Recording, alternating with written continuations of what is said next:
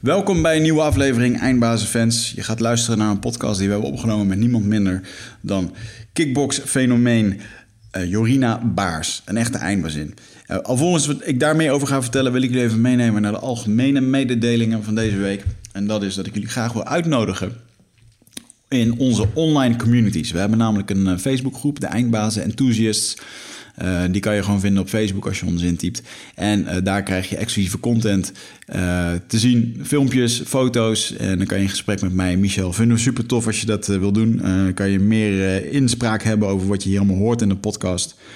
En uh, ja, daar nodig ik je van harte bij om, daar, uh, om daarbij te komen. Dan, voor de ondernemers onder ons hebben wij een, uh, een, mastermind die we in september weer gaan starten. En daar hebben jullie ons eerder over gehoord als trouwe luisteraars.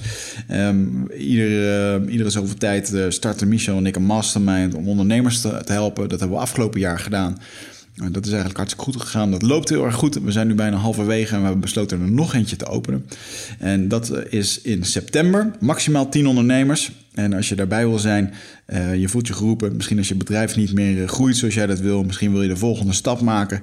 Misschien wil je van, uh, van uren naar product. Of misschien wil je van jouzelf als ZZP'er naar een uh, voltallig bedrijf met personeel dan kunnen wij jou daarbij gaan helpen.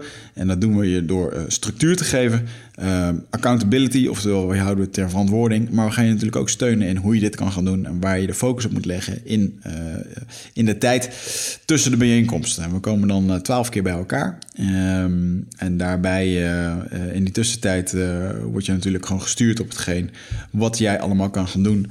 Wat ervoor gaat zorgen dat je onderneming naar een volgend punt gaat komen. Dus kijk daarvoor eventjes op 12-waves.com slash masterminds. Of zoek het eventjes bij ons op eindbasis.nl op de voorpagina. Daar zal ook wel een, een linkje bovenaan de pagina staan. En uh, als je ondernemer bent of je kent een ondernemer, dan uh, is dat wellicht wat voor jullie. Dan uiteraard wil ik jullie eventjes kenbaar maken dat we een kortingcode hebben voor trouwe eindbazenfans bij Nutrofit. Daar kan je terecht voor al jouw supplementen. supplementen voor je brein, zoals wij dat altijd zeggen. voor creatie, voor focus. En uh, voor, uh, ja, noem je dat? voor gemoedstoestand, dat soort dingen. Um, eigenlijk alles wat te maken heeft met cognitieve toestanden. En je bent daarvoor helemaal welkom op nutrofit.nl. Gebruik de kortingcode EINDBAZEN. En vind je het niks, dan mag je de producten ook nog eens een keertje terugsturen. Want wij geloven echt in onze producten. Dan als laatste, um, ik gaf onlangs een lezing. dat was um, over leven in de moderne jungle. Super lezing, goed ontvangen. En daarin heb ik gesproken over persoonlijk leiderschap. En wat zorgt er nou voor dat je wel of niet je passie kan vinden. Of dat je die hebt. Of hoe moet je daar nou mee aan de slag? Nou, allemaal vragen. Voor iedereen natuurlijk verschillend. En um, daaruit kwam het verzoek om daar een, uh, een workshop mee te doen. Dus ik heb besloten dat ik een eendaagse workshop ga geven. En die zal zijn op 6 augustus in Amsterdam.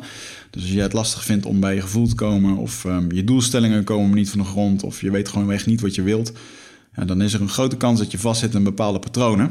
En um, um, ja, vaak zegt je gevoel hè, dat je toe bent aan verandering in je baan, of misschien in je liefdesrelatie, of, of überhaupt in de richting van je leven. En uh, dan, uh, dan is het geen toeval dat je dit hoort, want dan is deze workshop iets voor jou. Uh, wekt dit een beetje je interesse? Dan wil ik je gaan kijken om, wil ik je gaan verzoeken om te gaan kijken op wichertmeerman.com. Kijk eventjes bij evenementen en dan zie je de workshop Overleven in de Jungle. En het gaat een dag worden met persoonlijk leiderschap en bio-energetische oefeningen. super gaaf, veel ademhaling en dat soort dingen. En daarmee ga je echt goede, echt fysieke ervaringen ervaren. En ja, dat gaat sowieso helemaal te gek worden. Dan gaan we terug naar de podcast waar je voor komt. Uh, natuurlijk om te luisteren naar Jorina Baars. Zij is een echte eindbazin. Uh, wereldkampioen thai-boksen, kickboksen. Draait al jaren mee. Michel en ik kennen er ook al jaren. In de tijd dat er nog geen social media was. Toen zaten wij al op een vechtsportforum. Wat Michel destijds had opgezet. En uh, Mixfight, daar kon je terecht voor al je nieuws. En daar was Jorina ook een van de vaste bezoekers.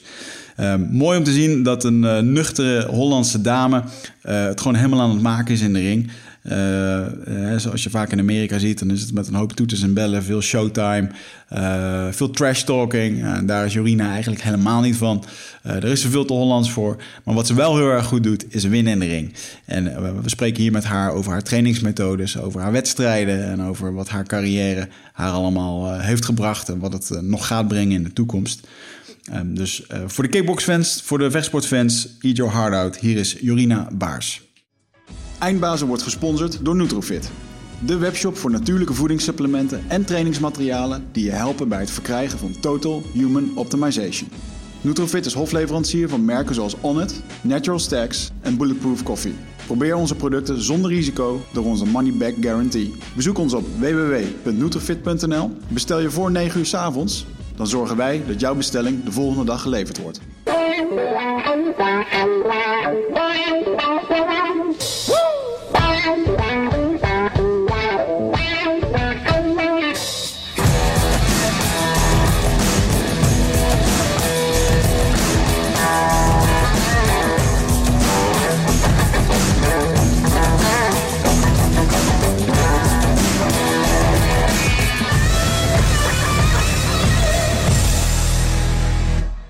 Mooi. Wil je trouwens nog wat drinken? Ja, we zijn al begonnen trouwens. Ja, dus dit is al een soort van ja. start. Trouwens, even leuk om te zien. Dit is volgens mij de tweede keer dat we er een documentaire uh, maker bij hebben zitten. Dus we worden ondertussen, terwijl we aan het opnemen zijn, worden we opgenomen. Ja. Wat, uh, wat, is het idee?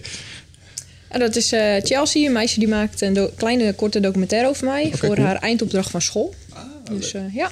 Mooi. Heel leuk. Um, ja, wat ik lachen vond... Um, aan uh, dit specifieke interview is dat uh, dit is niet de eerste keer uh, dat wij elkaar leren kennen. Wij kennen elkaar namelijk al van vroeger en wij hebben een soort gedeelde achtergrond met z'n drietjes weer. Ja. Ik kom weer toch weer terug op dat, dat ene forum. Ja. Mixfight. Ja. Ook dat datingforum. Datingforum, ja. Alexa.nl. Ja. Trouwens, grappig, grappig in dat opzicht. Uh, kun je vast wel gehoord van Pepper? Mm Pepper.nl, dat is uh, ook zo'n dating site. Die, uh, dat was eerst een internetmarketingbedrijf. Dat is van Niels geweest. Niels heeft ons ooit geholpen met de podcast Jumpstarten. En ik heb ooit nog een keer een Pepper e-mailadres gehad. Dat is toen okay. overgenomen. Over dating sites gesproken. Klein. Hey, maar um, ja, we hebben dus een gedeelde basis in de vorm van uh, Mixfight. En ik, en ik weet nog um, dat ik jou uh, lekker fanatiek uh, mee zag doen. En dat je met name een beetje opviel omdat je fanatiek was, maar ook nog erg jong. Ja, toen klopt, je daarmee ja. bezig ja, was. ja. Hoe oud was je toen, toen je daar in dook? Nou, ik begon om, met kickboksen dat ik zeven was. Ik vocht op mijn twaalfde mijn eerste wedstrijdje. En volgens mij was dat toen ook een beetje uh, het uh, mixfight verhaal. Ja. Dus toen was ik wel uh, altijd op die forums aanwezig en ja, op internet bezig. In de eerste dagen van het internet. Ja. I know man. Lang ja, geleden. Jojo Rina. ja. ja. Jojo. Jojo, ja. ja. Mooi. Nou, klopt. Hoe kom jij aan Jojo dan? Zo noemden ze jou. Ja, vroeger op school. Ik was goed in Jojo. Oh? Ja, en aangezien ik Jorina heet, werd het al snel Jojo. Nou, Ja. Jo Jorina. Dus ja, zodoende kom ik aan die naam. Jojo is ook echt een skill als je dat goed kan. Ik moet net denken aan al die dingen die we vroeger op de basisschool of in het voortgezet onderwijs deed in, in die categorie. Jojo was een ding. Je had ook um, iets wat ik nooit begrepen heb, maar wat wel heel kunstig was, wat ze met die elastieken deden. Ik ben er een keer ongelooflijk overheen Oh ja. geflikkerd. Wat was dat ook alweer? Dat deden ze tussen de benen en dan kon je allerlei moeilijke vormen mee maken. En dan uh, sprongen ze en dan... Weet je wat ik bedoel? Ja, dan, dan moest je erin springen en ontsnappen of zo, toch? Dat Ja. Ja, wat was dat? Ja, weet Ook ik. nooit Dat gedaan. denk ik ook nooit echt, nee. Interessant ritueel. Ja, Ja. nooit, nooit Ja. begrepen helemaal. Af en toe zie je het nog wel eens terugkomen op die schoolpleinen tegenwoordig. Maar, eh, Mm. Ja, Toen, toen pakten ze Jojo af, toen ging je kickboksen. En toen ging ik kickboksen, ja. Voor, om een paar jaar later terug te komen en wraak te nemen. Ja. Voor de Jojo. Voor de jojo. Maar wat ik hoorde daarnet is eh 12, eh, vanaf je zevende op kickboksen. Ja. Eh, op je twaalfde een eerste wedstrijd vechten. Uh, eerste wat mij dan te binnen schiet, dat is eh, relatief jong, Ja. volgens mij. Um, en we hebben het hier wel vaker gehad over kickboksen en eh, met name full contact wedstrijden voor eh, kinderen. Dus ik vind het wel interessant eh, en er zijn allerlei meningen over. Ik ben benieuwd hoe dat voor jezelf is geweest. Om, om, om zo jong al zoiets intensiefs te gaan doen. Want ja, Ja. het is niet niets natuurlijk. Ja. Kun je dat nog een beetje herinneren? Ja, zeker. Nou ja, ik was dus zeven dat ik begon. En eigenlijk wilde ik... Ik was heel gedreven in alle sporten die ik deed. En ik wilde ook altijd wedstrijden doen. En dan vertelde ik dus ook tegen mijn trainer. Nou, zei die, ga je eens maar even trainen, meisje. En eh, ja, de jeugd, dat had je toen nog niet echt. En eh, op een gegeven moment was er dus een open Nederlands kampioenschap voor de jeugd. Daar had hij mij voor ingeschreven. En ik moest die dag twee partijtjes vechten. Toen mocht je nog wel op het hoofd stoten, maar wel met eh body protector aan, hoofdkap, natuurlijk schemerschermers, handschoenen uiteraard. En ehm, ja, dat, dat, wa- dat ging er best wel hard aan toe inderdaad. En nou, uiteindelijk hebben ze Uh, nou ja, sinds kort dan uh, de jeugd niet meer op het hoofd. Uh, en dat willen ze zelfs uitbreiden naar 18 jaar, tot en met 18 jaar. Mhm. ja, wat ik, wat ik zelf ervan herinner is dat dit inderdaad, je kreeg af en toe wel eens klappen tegen je hoofd. En ja, is dat goed? Nee, tuurlijk is dat niet goed. Het is nooit goed. En helemaal niet als je zo jong bent natuurlijk. Nee.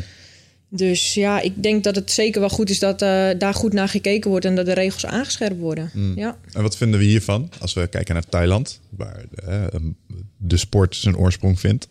Uh, en je kijkt naar die jonge knaapjes. Die Ja. vanaf kinds af aan, zonder schemerschermers en al die leuke dingen waar jij het net over had, Ja. die het nog eens wat minder maken, gewoon ook aan het trainen zijn. Ja.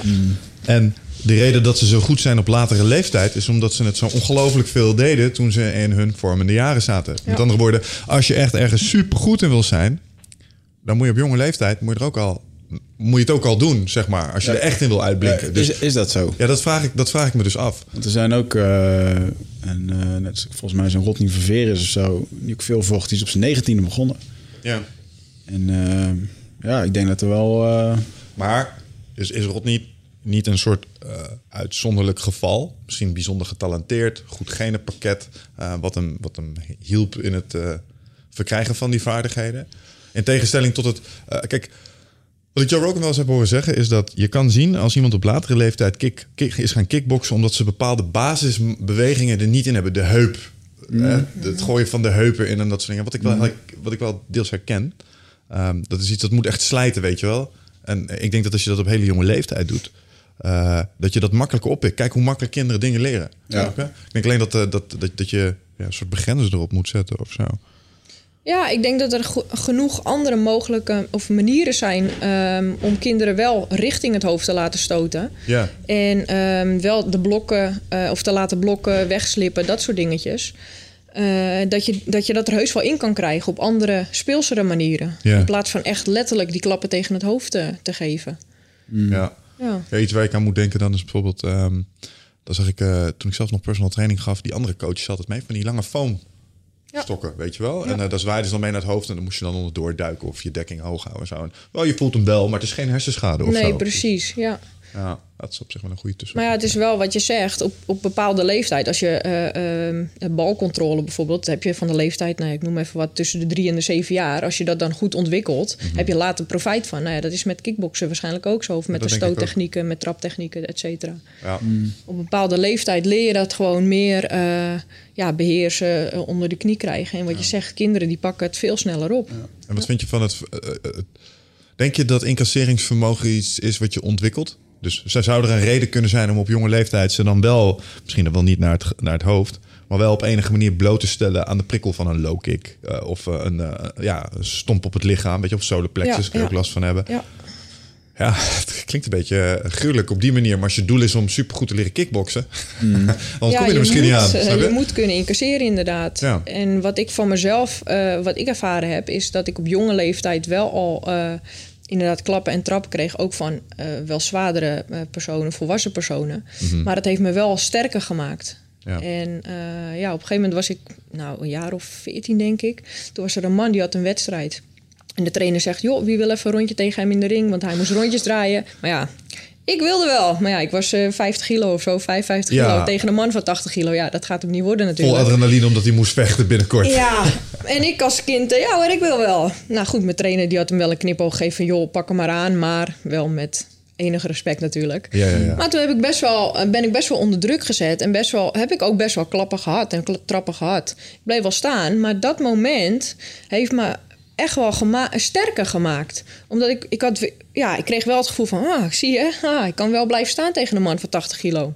Ja, je leert ook iets over je eigen vermogen. Ja, en je incasseringsvermogen is best wel. ehm, is ook gewoon een heleboel mindset, denk ik. Want je kan een klap voelen. Je kan denken, oh jee, die deed zeer. Maar je kan ook denken van, oké, ik geef er nu even twee terug. Ja, viel, viel wel mee, ik sta nog. Ja, ook dat. Het, Ja. het, het- ja. Heb jij dat wel eens gehad? Ik heb het wel eens gehad dat ik een paar kreeg. Dat ik dacht van, oh, hey, maar ik ben het nog wel, weet je wel. Ja, Ja, ja. Op een gegeven moment begon het zelfs, het klinkt als stom, misschien is het een rare fetish, maar op een gegeven moment is het zelfs als je echt naar die wedstrijd toe zit, dan kom je op een gegeven moment in die modus dat het, eh, dan mag je ook harder, hè, want jij Ja. moet de wedstrijd doen.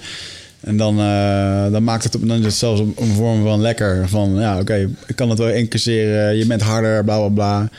Eh, ja, Ja. Dus ook man, mindset gewoon. Ja. eh, Ik denk ook wel, er is natuurlijk een hele discussie nu in Amerika of dat full contact sparren eh, nog nodig is voor een wedstrijd. Dus heel veel van die UFC-gasten die doen dat nu niet, allemaal heel erg Mhm. technisch. En als ik dan op woensdagavond de Mike Gym kijk eh, met gehaktdag, dan denk ik, elke Amerikaan zou hier zo wat door midden getrapt worden, weet je wel.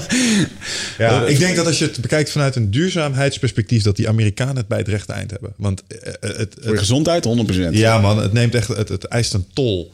Het is gewoon iedere keer een Ja. klein auto-ongeluk als je. eh, ik denk dat dat het eh, ehm, zeker is. Dat als je acht weken naar zo'n wedstrijd toe traint en je traint zo hard, Ja. dan doe je je wedstrijd. Dan is het nog niet eens de klappen die je krijgt in de wedstrijd. Maar als je daarna niet goed herstelt, je gaat meteen de kroeg in en je houdt je feestje, veel Ja. alcohol.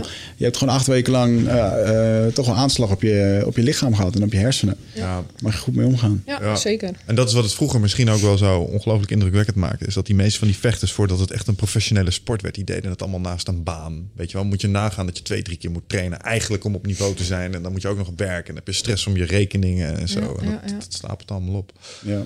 Hey, even terug naar dat, eh, naar dat trainen op jonge leeftijd. Hè? Heb, je, heb je ooit in, in eh, zeg maar, want ehm, wat je zei is, eh, je moet ook een beetje wennen aan het incasseren. En je moet inderdaad onder druk staan. En op jonge leeftijd is dat misschien wel heel erg intensief. Zijn er in dat, op, in dat opzicht naast de- dat, dat sparringsmoment met die wedstrijdje vechter ooit momenten wel geweest dat je dacht van oeh, too much? Dat je er even doorheen zat of dat het intimideerde? Of nou, wel dat je er door, zelf doorheen zit. Maar dat is dan meer puur... ehm, ja, ehm, dat ik bijvoorbeeld een hele drukke week heb gehad of zo, weet je wel. En dat je Mhm. toch weer moet trainen eh, voor je wedstrijd. En dat je toch weer moet presteren. Ik leg voor mezelf de lat altijd ja, eigenlijk veel te hoog. Ik Mhm. wil van 0 naar 100 in een week. Ja, dat gaat gewoon niet. ja. En daar zit ik gewoon mezelf in de weg. Maar het is niet zo dat ik echt... eh, nee, echt te harde trappen of klappen. Ik zeg ook dat light sparring, zeg maar. Ik vind dat echt fijn. Omdat je inderdaad goed, goed op je techniek kan letten. Eh, je weet gewoon dat als je een tikje krijgt... dat je niet meteen neergaat. Maar je weet wel, je krijgt die tik. Oh ja, mijn hand staat laag. Of eh, je krijgt trap op je lichaam. Oh ja, Ja. ik blok mijn, mijn lichaam niet goed. Weet je wel, En dat je, soort dingen. Je durft ook te experimenteren. Ik herken dat Klopt. wel. Als je, een, als je een geducht opponent hebt, dus iemand waarvan je weet, "Mm, die is wel gevaarlijk voor mij, ik heb hier niet de overhand, dan ga je ook veel minder ontspannen dingen proberen. Want je weet gewoon, ja, zijn rechter, als die zit, Ja. dan, dan ga ik liggen of dan, Ja. eh, dat is niet leuk. Ja. dus ik ga minder, ik ga heel behouden er dan in. En dan eh, soms de eindstand dat je alleen maar om elkaar heen staat te draaien, weet je wel? Ja. Ja, dat is wel grappig. Ja, dus ik kan me voorstellen dat op die lichte manier dat Ja, het ook wat ontspannender fijn, wordt. Ja. ergens. Ja. Ja, Heb, je, heb je het idee dat jij een keer flinke hersenschade hebt gekregen? Nee. En waarom niet? Omdat ik ook eh, na mijn wedstrijden... ik vecht nooit meer dan zes keer per jaar. En eh, afgelopen jaar heb ik maar twee keer gevochten. Nou, dit jaar probeer ik er vier te vechten. Hoop ik, als ze ook tegenstanders hebben en zo. Maar ja, het, het- ik zorg echt wel dat ik na mijn wedstrijd ook een periode van rust heb... waarbij ik gewoon eh, ja, geen klappen meer op mijn hoofd krijg... en waarbij mijn lichaam ge- gewoon echt goed kan herstellen. Want niet, het gaat niet alleen om mijn hoofd, maar ook mijn schenen bijvoorbeeld. Die zijn altijd helemaal... Nou, mijn schenen zijn net de Pyreneeën. Er zit echt eh, zoveel bult op en eh deuk in. Dat is echt niet, niet normaal. Ik denk dat dat het meest onderschatte ding is binnen het kickboksen. Want als je het nooit gedaan hebt, waar je denk ik onvoldoende realiseert fucking het doet om scheen op scheen te gaan of zo. Of eh, dat je, dat je geblokt, ge- geblokt Nou ja, wordt, zeg ik maar. heb dus eh, vijf jeugdwedstrijdjes gevochten met scheenbeschermers. En toen mocht ik voor het eerst zonder scheenbeschermers. Nou, ik was echt bloednerveus. Omdat ik gewoon bang was voor die pijn inderdaad. Scheen op scheen of scheen op knie of scheen op elleboog. ja, dat gebeurt. Alleen omdat ik zo hoog in mijn adrenaline zat die wedstrijd... omdat het mijn eerste nieuwelingenpartij was zonder bescherming... heb ik toch blijkbaar zoveel adrenaline aangemaakt. En ik heb heel veel kicks gezet die wedstrijd. En een dag later kon ik gewoon weer trainen. Wauw. Ik had nergens last van. Nee, dat, eh, maar nu tegenwoordig is het iets anders. Aha. Ik ben iets te rustig vaak voor de wedstrijd, waardoor ik niet veel adrenaline aanmaak en waardoor ik ja, te ontspannen soms zelfs een wedstrijd inga. Ja. Maar waardoor ik dus wel bewust ben van elke trap die ik zet en doordat je bewust bent, wel de pijn voelt. Ja. of denk van, nou weet je wat, we leiden hem toch maar even in. We gooien hem niet te laconiek, want dan wordt hij geblokt en dat doet ze. En dat doet zeer, ja, ook Ja. dat soort dingen, ja. ja. Ja. Of ik sta in de hoek en ik eh, sta te denken van... "Hmm, hoe sta ik met mijn schenen? Doen ze pijn? Oh ja, oh ja, ik voel ze toch wel aardig. Ja. Mag je ze nog insprayen tegenwoordig?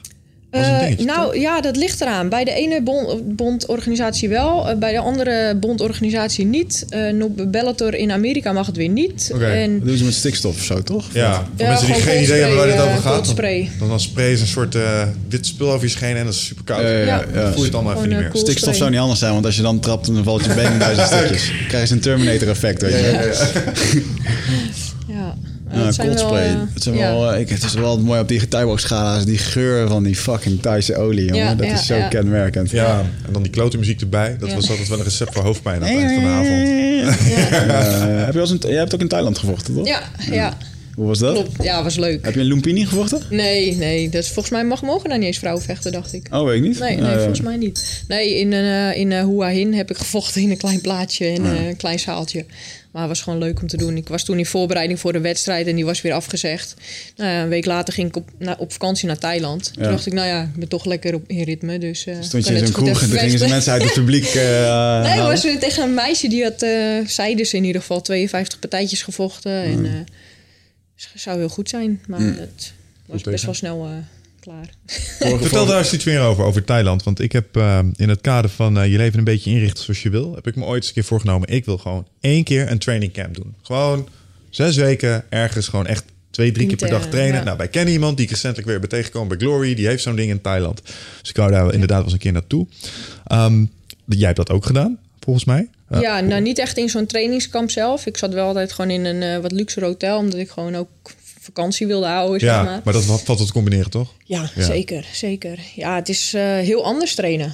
Ja, wat, wat doen ze dan anders als eh, in Nederland? Heel veel petsen, heel veel petsen. Het is vaak warm-up, touwtjes springen, vijf keer drie minuten. Petsen, vijf keer drie minuten. Op de bokzak nog vijf keer drie minuten. En dan cooling down, vijf keer drie minuten. En dat is jouw training. Een sparring, En sparren doen ze bijna niet daar. krachttraining, Krachttraining ook bijna niet. Ja, opdrukken en buikspieren. Dat waar? soort dingen. Ja. heel basic. Ja. Oké. Tenminste, dat is dan een, een echte eh Thaise gym, zeg maar. Waar, Ja. waar je gewoon, ja, hoe Wel moet heel ik veel het zeggen?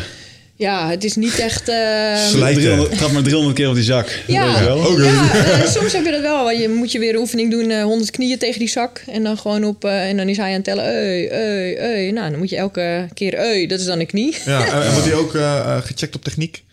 Ja. Meer knie erin? Nou, dat, dat is wel af en toe heel frustrerend. Want dan merk je, dan voel je echt net weer een beginner af en toe. Ah, ja, ja oké, maar is dat, is net- dat is wel goed, want het is echt fine-tunen zeg maar, van je techniek. Ja. En dan eh, is er weer, oh ja, draai even iets meer je heup in. Eh, draai je schouder nog even meer in. Eh, het is echt van die kleine dingetjes. Hou je linkerhand weer iets hoger of je rechterhand weer iets hoger. Ja. Eh, met je schop, draai wat meer op je voet. Eh, echt van die hele kleine fine-tune dingetjes, zeg maar. Mm. Wat, Eh, wat was de grootste eye-opener in dat opzicht? Gewoon puur even lekker geeken op de techniek. waarvan je dacht, oh, hier zit ik bij de bron. Weet je, oh, nou merk ik, dit is, Nou, oh, hier heb ik wat aan. Ja, en met die knie vooral. Ik werk best wel vaak altijd met mijn knie in de Mhm. wedstrijd. Tenminste, lang probeer ik. Ja. En eh, nou ja, echt gewoon je, je voet, eh, hoe noem je dat, pointen, zeg maar. Ja. Als je die knie zet. Dat echt het puntje van die knie gewoon erin kan eh, ja, rossen, zeg Ja, met andere woorden, als je de knie maakt en je trekt hem omhoog, dat je als je de, de been waar je de knie mee geeft, dat je je teen helemaal uitstrekt. Ja, helemaal uitstrekt. En dan ook op de, de, de voet die blijft staan. Daar sta je echt op de bal van je voet ook. Ook nog op de bal van je voet. Ja. Dus dat, die echt, dat gewoon echt een maximum bereikt wordt van die knie. Ja, Ja, ja. ja. Maximale extensie Maxi- ook in de knie. ja, ja. Ja. Een van de technieken waarvan ik dacht, dat heb ik ook een keer van een Thai geleerd. Die zei, is leuk die knieën voor jou, maar je maakt ze schuin omhoog. Je, maakt ze, je moet Ja, ze omhoog maken. Ja, Ja. rechtdoor Ja. of recht omhoog, zeg maar. En dan Klopt. soepel. Niet kracht willen zetten, want daardoor verlies je kracht. Ja. Dan dacht ik, hè? En ga je dat doen. En dan denk je, oh hè? ja, dit komt eigenlijk best wel aan. Als je hem zo heel losjes en ontspannen geeft. Inderdaad. Hij zei ook teen naar beneden. En het kost je ook minder kracht. ja, Als je goede techniek beheerst, dan kost het je ook vaak minder kracht. ja. Wat vind je van het hele eh, van het verschil tussen Thai en kickboksen? Vind ik ook nog wel eens het clinchen. Ja. Is dat iets waar je... Ik denk dat je daardoor je lengte wel een beetje in uitblinkt, of niet? De clinch. Nou, ik, vind, eh, ik vond clinch altijd heel vervelend en heel naar. Omdat ik lang ben en ik wil lekker op mijn afstand vechten. Maar sinds ik dat thai-boksen ben gaan doen, eh, vind ik het eigenlijk ook best wel leuk. En ook omdat ik de controle kan houden met de clinch. Ja, En en, die knieën wat- van je, die... eh, Ja. ja. En omdat ik er steeds wat beter in werd. En ja, ik- omdat je ook mocht werken met je ellebogen natuurlijk met het thai-boksen. ja. Ja, ik vond het, eh, ja, ik vind het niet meer vervelend als iemand me vastpakt, zeg maar. Nee, Nee. nee, nee, nee. nee. Ah, goed. Ja. Maar mijn clinches met takedown. Ik ben echt super slecht in takedowns maken met het MMA. Door die lengte van moet je naar de benen. Dat is veel te voorspelbaar. Dus het enige wat ik kan je? doen is inlopen. eh, vanuit de clinch naar iets van een guillotine werken. Of van daar- daarna een double leg. Maar ik kan heel slecht gewoon een shoot maken. Daar blik ik niet in uit. Dus die clinch is voor mij ook best wel belangrijk. Nou, omdat je lang bent, merk ik inderdaad ook vaak wel een voordeel, ja. Ja. Je moet been vegen jij, jongen. Lange been. Maar jij bent echt zo'n jiu-jitsu judoka, hè? Heb dat Nou ja, echt, het is eh, niet dat ik een, eh, een, een, een, een, werp... Een, hoe noem dat? Een werpwonder... We eh, ben. zo'n Roy van der Wal eh, die alles door, door de grond gooit, ja. Nee, ik heb het niet... eh, ik heb wel veel gejudo'd en zo, maar double legs kon ik wel aardig. Die had, ik, Ja. wel, inge- die had ik wel ingesleten. Zo erg dat je op een gegeven moment niet meer op je knie kan eh, landen... omdat het gewoon eh, helemaal beurs is. En eh, dat gewoon je zenuwen, ja, je zenuwen doen gewoon zeer. Weet je wel, zo vaak ben je eroverheen gegaan. Dat moment heb ik ook nog aangeraakt. ja. Maar ik was wel... eh, ja, double legs waren wel cool. Een van de mooiste oefeningen om te zien als iemand hem goed kon. Maar dan merkte ik zelf altijd weer dat ik niet de ninja was die ik dacht dat ik was. Dat zijn, dus die oefening, dan moet je zo eh, shooten, omstappen, meteen doorshooten op de andere been. Die gasten Ah ja. Oh ja. gaan zo door hun knieën naar de overkant, weet je. Dan denk je, wauw, dat ziet er makkelijk uit als hij het Ja. doet. En dan probeer je het zelf en denk je, oh. Ja. Die worstelaars hadden ook van die mooie warming-up oefeningen... waarbij ze een soort salto op hun hoofd maakten. Dat ze dan zo omklapten. Ja. Echt zo'n Oostblokkers... En dat ze dan in een brug staan? Of wat? Ja, ja, ja. En dan gewoon zo naar de overkant konden. Echt Wauw. eh, acrobaten. Ja. Ja, daar hoor je ze in de Amerikaanse podcast ook al over. Dat worstelaars, dat zijn toch wel de buffels nog steeds van de vechtsport... als het gaat om dat soort, dat soort dingen. Ja, wel conditiebeesten. Ja. Ik denk als je gejudo'd hebt of eh, worstelen... dan heb je een van de beste basiscondities die je kan hebben... voor alles wat je ook voor zelfs als kickboksen en doen. Ja. Ja. Maar ik moest altijd wel weer zeggen... als ik dan lang had gejiu-jitsu'd... en dan ging ik weer een keer kickboksen... ah, verschrikkelijk jongen. Je- ja, die conditie is zo beperkt, weet je wel. Maar het is ook allemaal net even andere conditie. Hetzelfde als naar mij moet je echt geen eh, 10 kilometer laten lopen of zo. Nee. Het is gewoon weer een hele andere conditie. En inderdaad, MMA, kickbox. Je moet je conditie gewoon op een andere manier verdelen of zo. ja. En ja, Als iemand die beide heeft gedaan, hoe, hoe, hoe ervaar je dat als je zeg maar in, het, eh, in de kickbox realm bent en je bent daar je dingen aan het doen en je hebt ook een paar MMA-partijen gedraaid? Wat, wat is dan met name het grootste verschil wat je merkt in je eigen kunnen en vermogen en hoe je zoiets, zo'n situatie in moet met een tegenstander? Mm, nou, ik probeerde met mijn MMA-partijen, die gingen allemaal niet zo heel goed trouwens. oh ja, eentje wel. Nee, maar ik probeerde daar altijd mijn tegenstanders op afstand te houden, omdat ze natuurlijk wisten dat ik ja, redelijk kon kickboksen. En eh, ze hun wilden mij meteen naar de grond pakken. Ehm, ja, ik probeerde gewoon ja, die shoot eh, te blokken, zeg maar, te sprawlen en zo. Maar ja, het, het, het is gewoon echt een, een heel ander spel. Ja. Echt een heel ander spel. Die non-stop dreiging van een shoot. Ja, Ja. ja. continu sche- scherp zijn. Ja, moet je met kickboksen ook wel, maar misschien omdat ik dat al vanaf echt jongs af aan, eh, dat, is er gewoon, dat zit er gewoon ingesleten of zo. En dan ben je gewoon altijd scherp. Terwijl, ja, die shoot, die kan inderdaad zomaar tussendoor komen. En ja, daar ben ik gewoon niet op, eh, ja, op bedacht, zeg maar, op berekend. En Aha. het, eh, ja, dat was wel echt altijd een dingetje, ja. Ja, vooral als je in het eind van een combinatie zit of zo. Ja, en dan huppa, pakken ze je weer, lig je weer op de grond. Denk ik, oh, gaan we weer. Maar ik vond het wel altijd leuk, want ik vond MMA echt leuk om te doen. Ja. Ik had echt, eh, nou ja, toen een jaar of 18 of zo zat ik al op kickboksen. En eh, ja, die links-rechtse directe, die weet je dan wel. En toen op een gegeven moment ging ik die grondtechnieken doen. En oh, dat, dat was gewoon weer hele, ja, helemaal nieuw en helemaal leuk om te leren weer. En ik was heel gedreven. Dus eh, ja, ik vond het wel echt leuk. Ja, waar, waar ik me altijd nog steeds over verbaas is het ongelofelijke... ehm kickbox is heel erg technisch. Is heel erg technisch. Maar jiu-jitsu is echt nog even een, net even een stukje Ja. technischer in dat Ja. opzicht. dat, dat, eh, eh, zeg maar, wat ik aan jiu-jitsu zo frappant vind altijd is... eh, daar zie je zo goed hoe, hoeveel verschil een klein detail kan maken. In de uitvoer van een techniek. Als jouw knie net twee centimeter verkeerd zit in het maken van die armklem, ko- komt die, kan hij zijn kop eruit trekken Ja, en is klaar, zeg maar. En dat is met een, met een trap of een stoot Als je zit, iets meer groffer, Ja, zeg maar. klopt, je hebt ja. iets, meer, iets meer marge voor fouten, heb ik wel eens het gevoel. Ja, ik denk dat je toch wel op, op beide kan je een leven lang oefenen om het te perfectioneren. En dan ben je nog niet klaar. Ja, Ik denk wel dat je iets wat diverser is. Ja. meer, meer, meer, meer in het assortiment aan technieken ook, denk ik misschien wel. Ja, maar toch zie je... eh, maar je ziet heel veel verschillende technieken van verschillende vechters. Maar als je kijkt naar een vechter per zang... dan zie je dat hij een paar dingen eh, net zo goed erin gevlamd heeft als, eh, als die knie van jou. Alleen hij kan drie guard passes. Als je mij eh, moe maakt en ik ben aan het rollen... dan ga ik eigenlijk altijd voor drie guard passes die me goed liggen. En ga ik geen fancy shit meer proberen, weet je wel. Ja. Ja, precies. Maar wat is jouw ding eigenlijk op de grond? Iedereen heeft zo zijn ding, zeg maar. Ik heb een triangle die ik wel redelijk makkelijk eruit kan trekken. En ik ben wel gemeen vanuit een eh, zeg maar crosspositie met een kimura. Kan ik wat gemene dingetjes mee. Spider guard, Spider guard, ja. armklemmen. De armklemmen vanuit Spider guard. Eh, moet zien? Ja, van bovenaf. Gestrekte armklem uit Ja. alle hoeken. Gevlogen, gesprongen. ge- heb, ik ook onder, heb ik ook een keertje echt mijn rug zwaar mee eh, gesprongen. Armklem, toen viel ik op mijn rug. Toen was ik geblesseerd, had ik verloren. was ook een Zo'n mooie. blue schoenenklem bedoel je? Dus toen noemden ze mij de Flying eh, Dutchman. Dat is bijna. Eh, maar eh, ja, Spidey Guard. En ehm, ik vind passeren ook wel leuk. Dus de guard passeren. Ja. En eh, de Samurai Choke is dat de all-time dat? favorite. Niet voor doen. Ja, dat je de... eh, eh, dat je gewoon je eigen hand pakt. eh, en dat je dus een... eh, hoe noemen we dat? Je ligt gewoon op side mount. ja. Eén hand onder zijn nek. En de andere hand die glijdt gewoon langzaam hier over zijn borst. Dat je hier zo de hand hebt. En dan switch je je heupen. Dat je ellebogen op zijn strot... eh, Mooi. die doet het nog altijd goed. Dat is, irrita- dat is een hele irritante, omdat je hem een soort van ziet aankomen. Nee, juist niet. Niet. Nee. Je weet toch wat je gaat doen? Eh, ja, ik wel. Het ergste vind ik in ieder geval altijd technieken waarbij, je, waarbij we allebei weten wat er gaat gebeuren, zeg maar. En je Ja, kan ja. het niet tegenhouden. Ja. Dat is echt gruwelijk irritant. Ja, Ja, en, en de baseball choke vind ik ook heel relaxed. Dat is gewoon dat je de, de kraag pakt als een honkbal. Dus iemand zit bij jou in de guard en eh, dan probeert hij... En dan laat je hem expres passeren.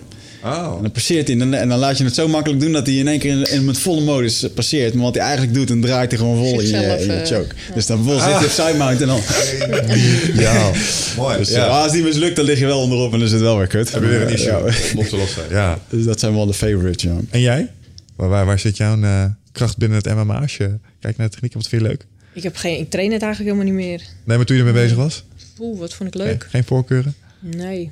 Ik was, eh, alles was nieuw eigenlijk voor mij. Dus ik mo- moest alles gewoon nog leren en eh, beter in worden. En eh, Ja. Overleven. En als je dat nu overleven, ja, vooral je- dat. En als je die vraag doortrekt naar het kickboksen, eh, en je kijkt naar waar nu je voorkeuren liggen, zeg maar. Ik ben nog steeds van de knieën. Dat zal altijd wel een beetje mijn ding blijven. Ja. Maar soms ben ik ook wel even van eh rechts voor staan een tijdje. Ja, dat vind, ik ook, eh, ja, dat vind ik ook leuk. Ja, vooral met trainen vind ik het leuk. En als ik een tegenstander heb die rechtsvoor staat, toevallig met tegenstander van eh komende partij, Ja. die staat ook rechtsvoor. En om dan zelf ook die switch te maken, inderdaad. Ja. Vind ik leuk. Eh, maar verder, ja, op afstand, vooral proberen juist tegenstander op afstand met afhouders, knieën, eh, lange directes. eh, Echt de afstand ja, die maximaliseren. afstand range. maximaliseren. Ja, proberen. Ja. Nog even over eh rechts. Dat is een trend die ik wel zie de laatste tijd. Voorheen, eh, vroeger, klassiek geschoold, was links voor, rechterbeen achter als je rechts was. En dan had je een paar patronen waarvan je wist, oké, dit is een beetje wat iedereen als basis leert. Het valt me op dat iedereen nu een soort van eh, ambidextreus bijna, bijna lijkt te zijn. Ze kunnen links voor staan, ze kunnen rechts voor staan. Ja. Even doeltreffend. Ik heb nog best wel, omdat ik klassiek geschoold ben, moeite met southpaws. Oké. Wat is jouw antwoord op een vervelende southpaw? Als iemand die eigenlijk rechtshandig is. De- wat ik zelf zou doen Ja, als iemand ja, ja. tegen mij staat? Ja. Ja, gewoon dat eh rechterbeen kapot schoppen. gewoon Oké, nou tot zover de Nee. kickboxles. Gewoon kapot schoppen. Nee, gewoon dat rechterbeen echt flink gaan bewerken. Ja, Dat ze eh, sowieso wat trager naar voren stappen. en, eh, voorste been dus. De voorste been, ja, ja. ja, ja. Binnenkant of via buitenkant?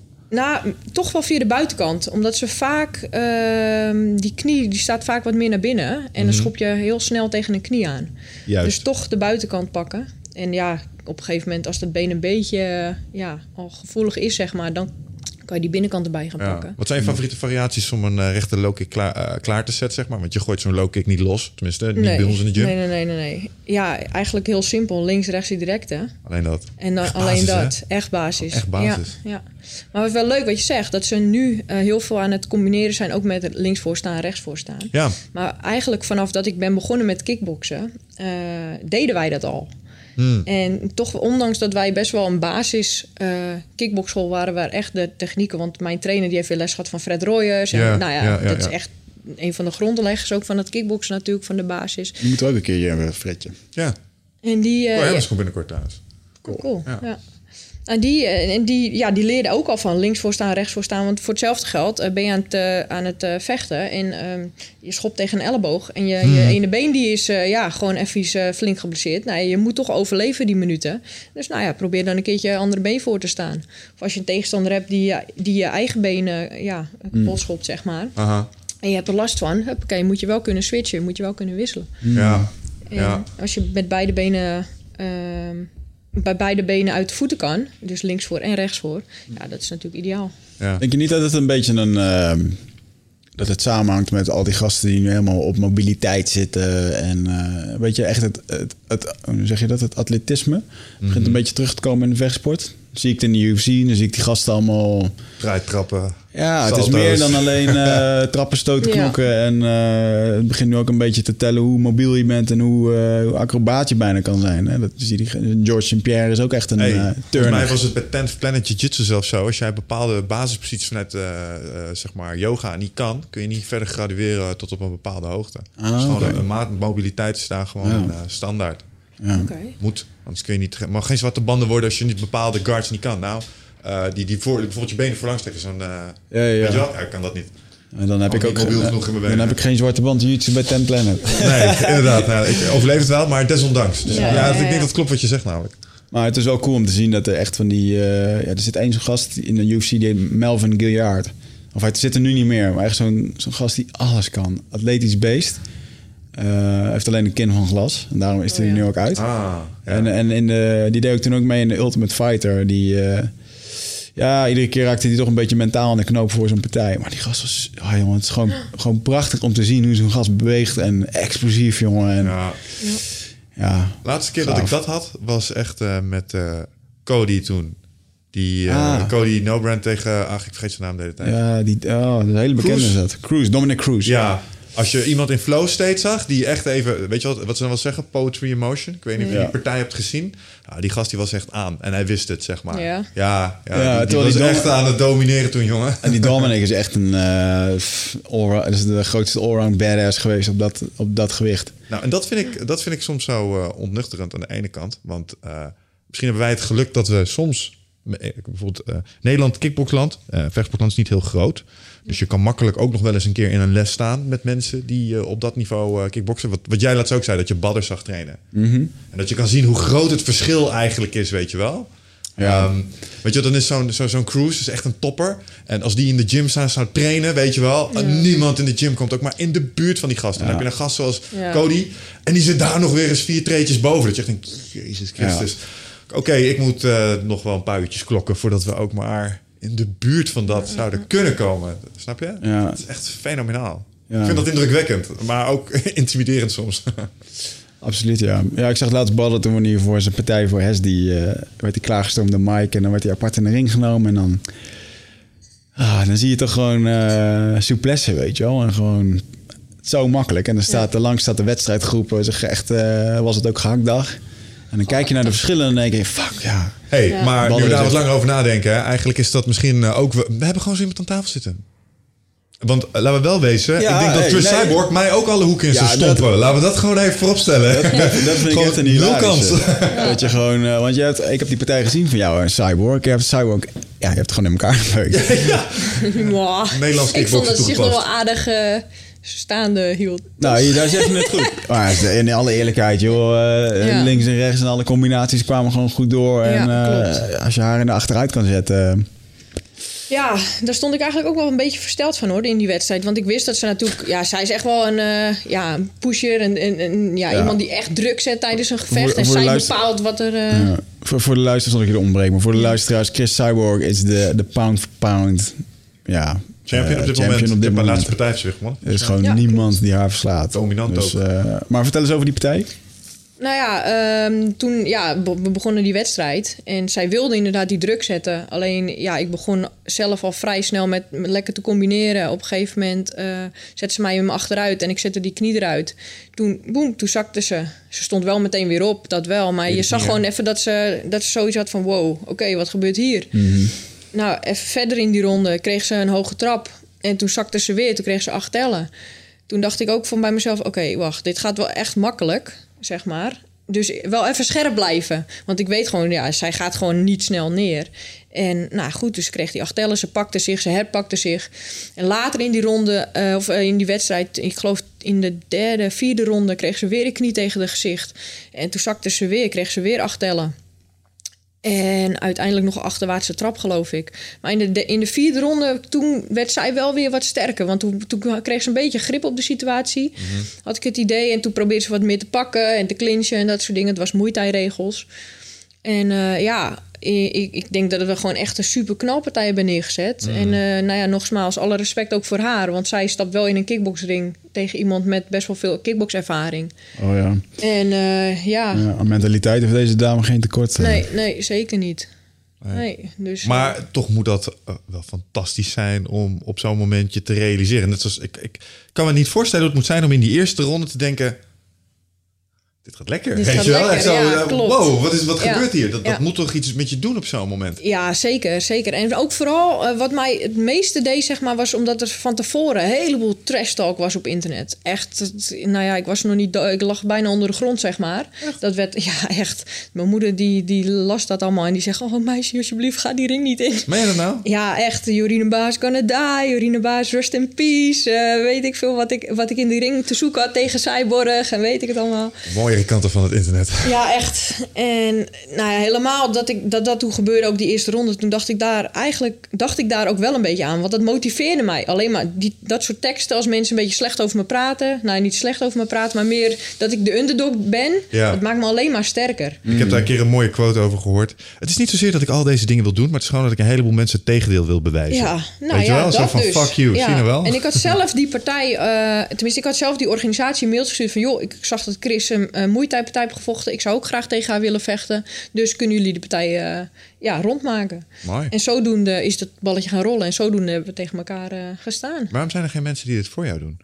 Uh, nou, nu wel. Okay, Uiteindelijk. Ja. ja. nu heb ik gewoon een manager die het allemaal regelt. Maar toen de tijd, ik regelde dat alles zelf. Hmm. Ja, dat, was, eh, dat is ook wel bijzonder eigenlijk. Ja, nou, dat is, maar, maar super vet. Want daar zit een les in voor iedereen. Uh, namelijk, als je blijft zitten wachten, dan gaat het niet gebeuren. Soms nee. ben je zelf degene even die het balletje aan het rollen moet maken. Ja, en daar is helemaal niks mis mee. Nee, nee dat klopt.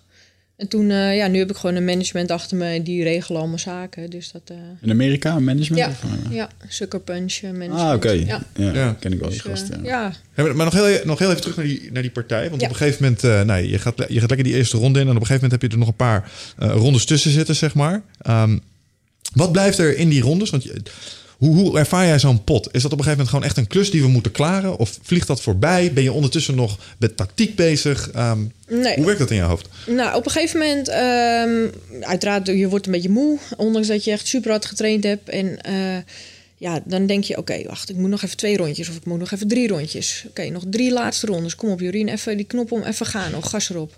En helemaal de laatste ronde, toen was ik echt... Uh, pff, ik had het end in de bek. Ja. Maar, uh, nou, mijn trainster... dat is Den Helders, denk ik, of ja, niet? Uh, ja. ja. ik was echt zo moe. En toen op een gegeven moment, mijn trainster die zegt ook van... uh, joh, laatste ronde, even gas erbij nog en dan, uh, dan heb je hem in de pocket. Mm -hmm. Dus uh, scherp blijven, handen hoog houden en dan uh, gewoon je ding doen. Nou, prima. Dus ik, dat deed ik. En inderdaad, ik kreeg de winst. ja. ja. Kijk, ben jij zo'n vechter die je hoort wat, wat je hoek roept? meestal wel, ja, meestal wel. Pas je ook aan? Aan wat de hoek roept? Ja, ja vaak ja, omdat ik... Um, ik probeer wel zelf altijd alles te zien. Alleen ik ben... Um, ja, vaak, ja, als je gewoon in het gevecht bent of je staat aan de zijkant, van de zijkant zie je vaak net even meer. Mm -hmm. Dus ik probeer echt heel goed in te spelen op mijn trainers. En ja, ja we trainen al um, 22 jaar samen. Dus ja, ik, hun weten precies hoe ik me voel. Uh, of ik soms misschien even een stapje terug moet doen in de ring. Uh, dat ik even me, ja, meer mijn adem ga pakken, meer ga bewegen.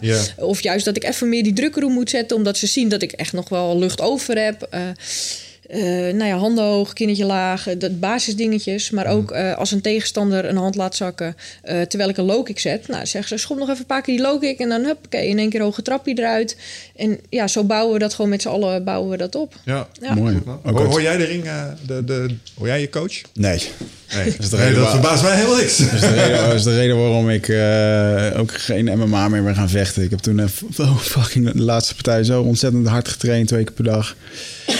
Yo, ik was gewoon Braziliaanse jiu-jitsuka, weet je wel. En uh, mijn, uh, ons plan was gewoon... Uh, of je zet zelf een stoot en je maakt een shoot. Maar meestal was het die andere, die andere uit laten komen met een stoot en dan meteen shooten. Mm -hmm. En ik kreeg, het niet staan op ik, kreeg, ik, kreeg, ik kreeg het voor elkaar om meteen... ik, ik weet voor mezelf dat ik gewoon zo snel mogelijk die ring uit wilde.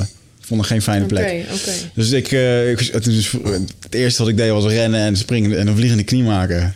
Zat echt helemaal niet in het gameplan. Dat was maar, erg hip toen ook. Hè? Ja, maar was, ja, zeker. Maar was ook gewoon een... Uh, ik denk dat het ook wel een... Uh, nou, durf ik al te zeggen. was wel een vorm van angst om daar zo snel mogelijk uit die ring uit te komen. Zo van, mm. als die erop zit, dan, dan zijn we klaar, weet je wel. En dan vervolgens, dan gaat het gameplan niet. En uh, ja, dan kan je nog wel een soort van herstellen en zo. Dus nee, ik... met jiu-jitsu had ik dat later wel. Mm -hmm. Want ik merkte dat dit heel erg een mentaal spelletje bij mij was. Dat was mijn grootste gevecht altijd. Ja. En toen, eh, ik heb toen een keer een cursus gekocht van zo'n Amerikaanse Navy SEAL die ook MMA-vechters uh, begeleiden erin. En die legt heel goed uit waar dat het vandaan komt, dat je op een gegeven moment iets niet meer hoort.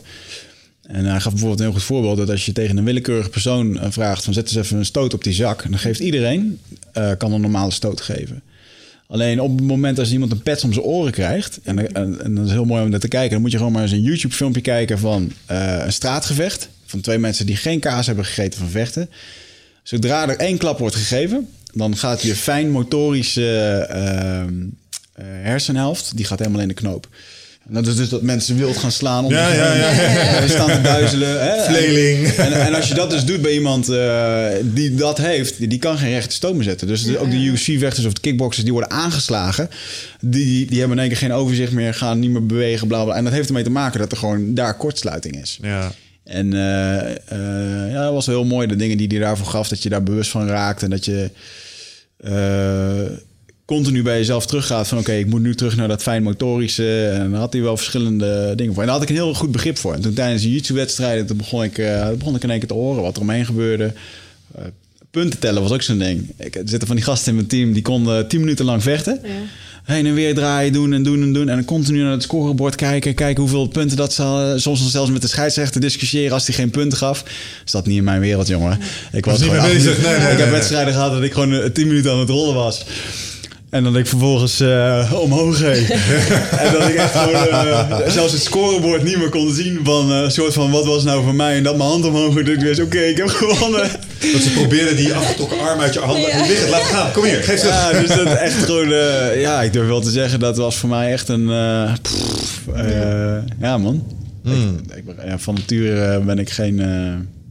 dat was met Gilbert Eiffel heb ik dat ook wel eens weer besproken. Dat, dat, dat vuur wat die man in, het, in die ring had, dat, die agressiviteit is dat niet in mij. En, nee, uh, maar ik vond het wel fascinerend om erin te staan. Mm -hmm. En wat er allemaal met je gebeurt. En uh, als je met 60 km per uur door de mat heen wordt gegooid om jezelf dan te herstellen. Uh, ja, daar ben ik wel echt wel van gegroeid. Ja. Ja. Ik, ik, ja, ik herken dat wel. Ik weet nog dat ik mijn tegenstander op een gegeven moment een keer aankeek. Ik dacht, ik moet jou zo echt heel hard gaan slaan. en ik heb er echt gewoon geen zin in. ja, ben, waarom, weet je wel? En toen, mijn, hoek, mijn hoek had het in de gaten. Dus die, echt, ik kreeg Raffles Laros, dat weet ik nog goed. Raffles, mocht je dit ooit horen, het doet nog steeds zeer. Ik kreeg een bitch slap, jongen, in mijn gezicht. Zo klats, lange, wakker worden, je moet, weet je. Ik zei, ah. Ja. heel veel ogen zo. Uh. Ja, hielp dat bij jou, dat soort dingen? Nee. ik, had daar, uh, ik zag bijvoorbeeld ook uh, mijn Bob, die, die doet ook altijd met die, met die handen ja. op, op het lichaam. Want er komt adrenaline los. Ik zou daar... Ja, volgens mij heeft hij toch ook wel eens gezegd dat als leerlingen van hem dat niet relaxed vinden, dat hij het niet doet. Maar dan zat ik altijd naar te kijken en denk, hé hey man, blijf van me af. Ik, moet ik dacht alleen maar, ik wat doe je? Ja, ik moet dat dus wel hebben. Want okay. ik ben echt, uh, ik sta echt als een suf konijn daar. Uh, ik ben echt veel te rustig altijd. Je gaat een broodje halen. Dat, nou ja, bij wijze van spreken, ja. Maar het is echt, ik ben echt gewoon te rustig. Mm. En dat uh, is heel irritant. Want ja, je moet wel even een klus klaren straks ja, ja, in ja. die ring, weet je wel. En gelukkig uh, weten mijn trainers ook, mede door Bob. Ik heb ook nog even bij Bob getraind. Uh, in samenwerking dan met mijn eigen sportschool en met mijn eigen trainers. Maar Bob was inderdaad de eerste die mij even een paar tikken gaf. Mm. En dat, dat activeerde inderdaad iets bij mij. Dat ik wel echt even die scherpte kreeg. En Ja. weer even... Word je boos?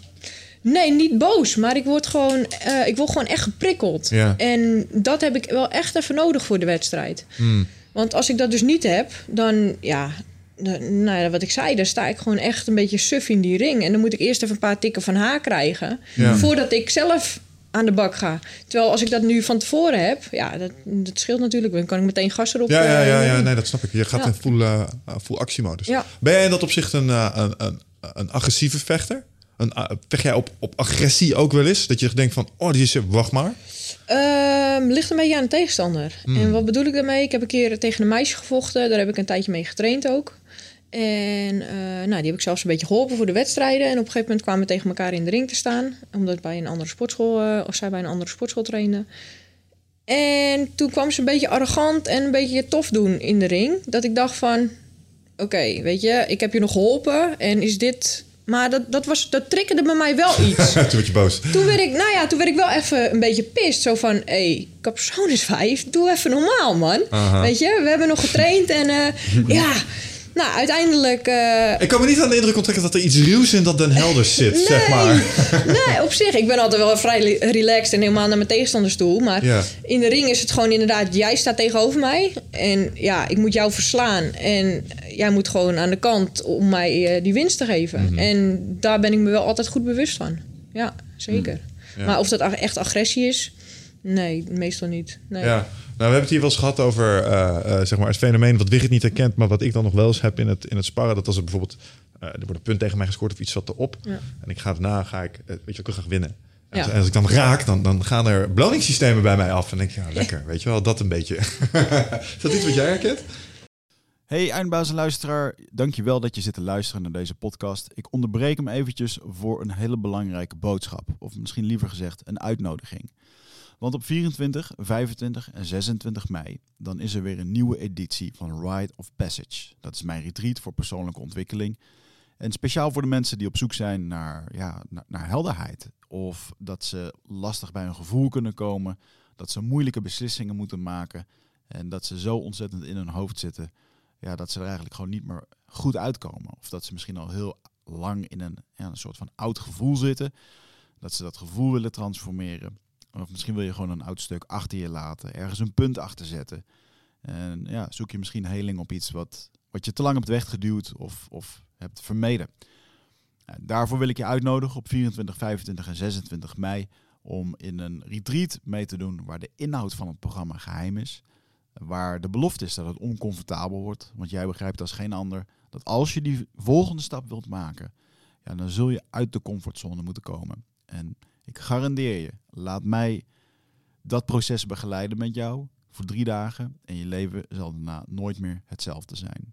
Gemiddeld beoordelen de deelnemers het met een 9,2. En daar ben ik ontzettend trots op. Er is ook een money back guarantee. Heb je de drie dagen vol, volbracht en vind je het niks, krijg je gewoon je geld terug. Dus het enige risico wat er is, is dat je gelukkiger kan worden. Ik zie je Bride of Passage. Ga naar wichertmeerman.nl en klik op Retreat. Eh, ik heb wel altijd zoiets van, als inderdaad, als ik vooral in de wedstrijd eh, een trap krijg, dat ik denk van oké, zij weer een punt, bom, probeer ik er twee of drie terug te maken. Mhm. En ik zorg wel altijd dat ik meer punten maak dan mijn tegenstander.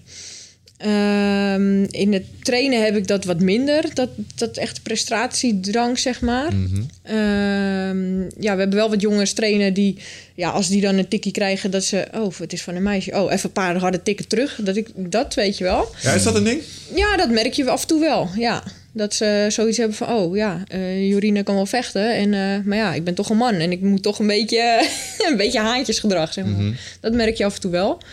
Maar eh, Even ja. vanuit jouw positie als profvechter. eh, het verschil tussen man en vrouw, zeg maar, als je aan het trainen bent met dat soort jongens. Voor je gevoel, stel de knop gaat om. Mhm. Win je op zo'n moment dan nog? Weet je wel? Omdat ze zich een beetje aan het gelden laten Ja, zijn. zo. Weet je, waar- heb je, kun je een beetje aanvoelen? Weet je wel, een kerel van 80 kilo. Ja. Ja, gewichtsverschil is wel een dingetje. snap je? Gewichtsverschil, fysiek. Een man is sowieso fysiek sterker dan een vrouw. Ja, Eh, dan zou ik het puur van mijn techniek moeten hebben. ja. Ja, ik Maar heb je dan je gevoel dat, dat, dat dat zou werken als het zou moeten? Eh, ja, ligt er een beetje aan wie er voor je staat natuurlijk. Ja. Ik heb toen eh, tegen een omgebouwde gevochten. Ehm, en dat was vroeger dus een man en die is uiteindelijk omgebouwd naar een vrouw. En zelfs daar merkte je gewoon heel erg dat krachtsverschil. En dat fysieke, ja, die fysieke kracht, die is gewoon ja, een keer zoveel als bij een, bij Ja. een normale vrouw, zeg maar. Dus dat verschil, dat merk je echt wel. En wel. dan zeggen mensen, ja, waarom doe je het dan? Maar ja, ik hou van uitdagingen en dat soort dingen. En ja, zij... Ik zeg wel altijd, iedereen is te verslaan. Ja. Je kan iedereen... Iedereen is gewoon te verslaan. ja. En ja, weet je, of het nou eh, door een vrouw is, door een man is... of dat je tegen een man staat... ehm, ja, het, het- iedereen is te verslaan. En dat hou ik altijd in mijn achterhoofd. En of het nou op techniek is dan of op kracht... nou ja, dat zien Ja. we dan wel. Maar ja, je kan iedereen verslaan. Een stukje Arnold Schwarzenegger wijsheid, hè? If it bleeds, you can kill it. Predator. Dat is wel waar. Maar eh, even het stuk naar het stukje ehm, eh, omgebouwde. Ehm, tegenwoordig eh, in het eh, tijdperk van de politieke correctheid en dat soort dingen, dan is dat een heel mooi interessant onderwerp om eens te kijken over hoe dat nou eigenlijk werkt met biologie en gender en dat soort dingen. Wat vind jij daarvan? Volgens mij hebben we het hier daar met Marloes ook niet een beetje over gehad. Zo van, wat vind je ervan dat iemand die voorheen een man was, eh, nu een, eh, een operatie heeft ondergaan, waardoor ze technisch gezien een vrouw is en dus mee gaat doen met vrouwen, maar nog steeds alle voordelen heeft van verhoogde botdichtheid, meer spiermassa en testosteronproductie, wat je volgens mij een voordeel geeft. Ja. Wat vind je daarvan? Dat is een vraag aan jou ook, Wigert. Oh.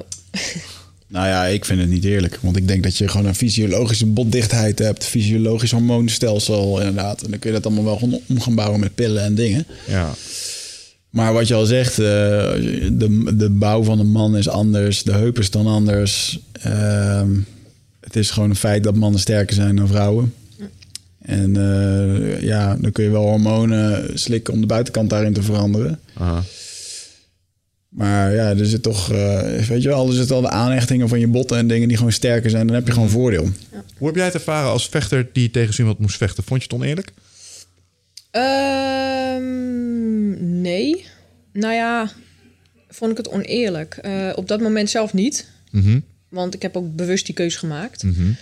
Eh, maar wat zij wel ook zei in een interview, dat vond ik wel heel mooi en heel eerlijk van haar. Zij zegt: Mijn lichaam, ehm, ze zegt, als een normale vrouw gaat trainen, verandert het lichaam een beetje. Ze zegt: Als ik ga trainen en ook weer krachttrainingen bij ga doen, ze zegt: Mijn lichaam verandert gewoon een keer zo snel als bij een normale vrouw. Ja. Ja. Ze zegt, en nou ja, dat merkte ik dus wel echt in de ring. Want de eerste trap die ze gaf was een afhoudtrap vol op mijn borst. Nou ja, bij een norma- als ik tegen een normale vrouw vecht, dan vang je hem en je gaat misschien een klein stukje naar achter. Maar bij haar, ik vloog gewoon echt een meter naar achter.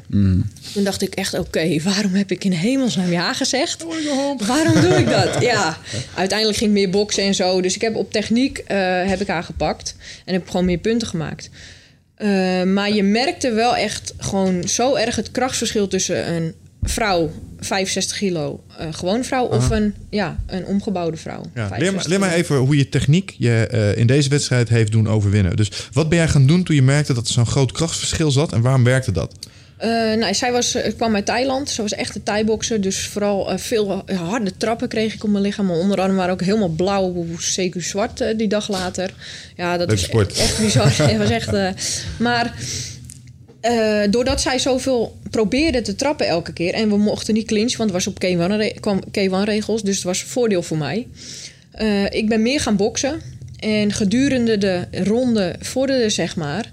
ehm, ja, kwam ik gewoon steeds vaker door met de opstoten, directe stoten, echt lange directe stoten.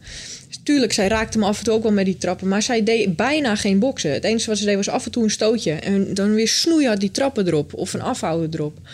En eh, nou, die, die, die trappen die eh, probeerde ik allemaal te blokken. Dus dat waren voor haar geen punten. Eh, op een gegeven moment aan het einde van de tweede ronde sloeg ik er zelfs even aan. En toen kwam ze terug in die touw en toen boem, raakte ik er weer. Toen ging de bel. Toen zat ze ook echt te bidden in de hoek. Tenminste, dat kwam ik dus later achter. Ze zat echt op de knieën en naar de hemel en te doen. Dus later na de wedstrijd sprak ik haar. Ik zeg, joh... Wat ik deed zeg, Wat deed je? ja. zo. Nou ja, goed, toen was ze dus aan het vertellen. Ze zegt, ik had geen overwicht meer op de partij. Ze zegt, ik, ik voelde me gewoon, nou ja, kansloos. Ze zei niet echt kansloos, maar ze zegt, ik voelde gewoon dat, dat die partij gewoon echt, eh, nou ja, jouw voordeel was. Zegt, dus ik ja. probeerde gewoon de goden te verzoeken om mij te helpen. En nou ja, de derde ronde, derde ronde toen eh, ja, deed ze eigenlijk vrijwel niks meer. En eh, ja, ik moest wel scherp blijven, want inderdaad die trappen... als er een keertje op zit op je lever of op je mild... eh, of op je plexus een afhouwer of een goede stoot... dan ja, ga je gewoon zitten. Maar eh, ja, zodoende heb ik toen die partij eh, gewoon weten te winnen. Ja, Ben je wel eens neergegaan op je leven, Wigert? ja, ja. ja. Och, vreselijk. Verwacht, Oh, en, verwacht en onverwacht. Verwacht en onverwacht. Hoezo verwacht? Jij laat je dat aandoen in het weekend, omdat je het leuk vindt. Nee, maar in de zin van dat je gewoon aan het sparren bent en dat hij er dan opkomt, een soort van. Of dat, die, of dat je zelfs je dekking houdt en dat hij erop komt en dat hij er doorheen gaat. Ja, dat je elleboog erin wordt gepoord. Ja. En ehm, weet nog wel dat eh, met Aero Paris vocht toen zijn afscheidswedstrijd. Dat was toen mijn kickbokstrainer. En eh, eh, ik vond het altijd leuk om met vliegende knieën te werken en lekker heen, veel knieën te geven. En dat deed Rodney ook. En hij vocht zijn partij tegen Rodney. Dus ik moest een soort van ook Rodney simuleren daar.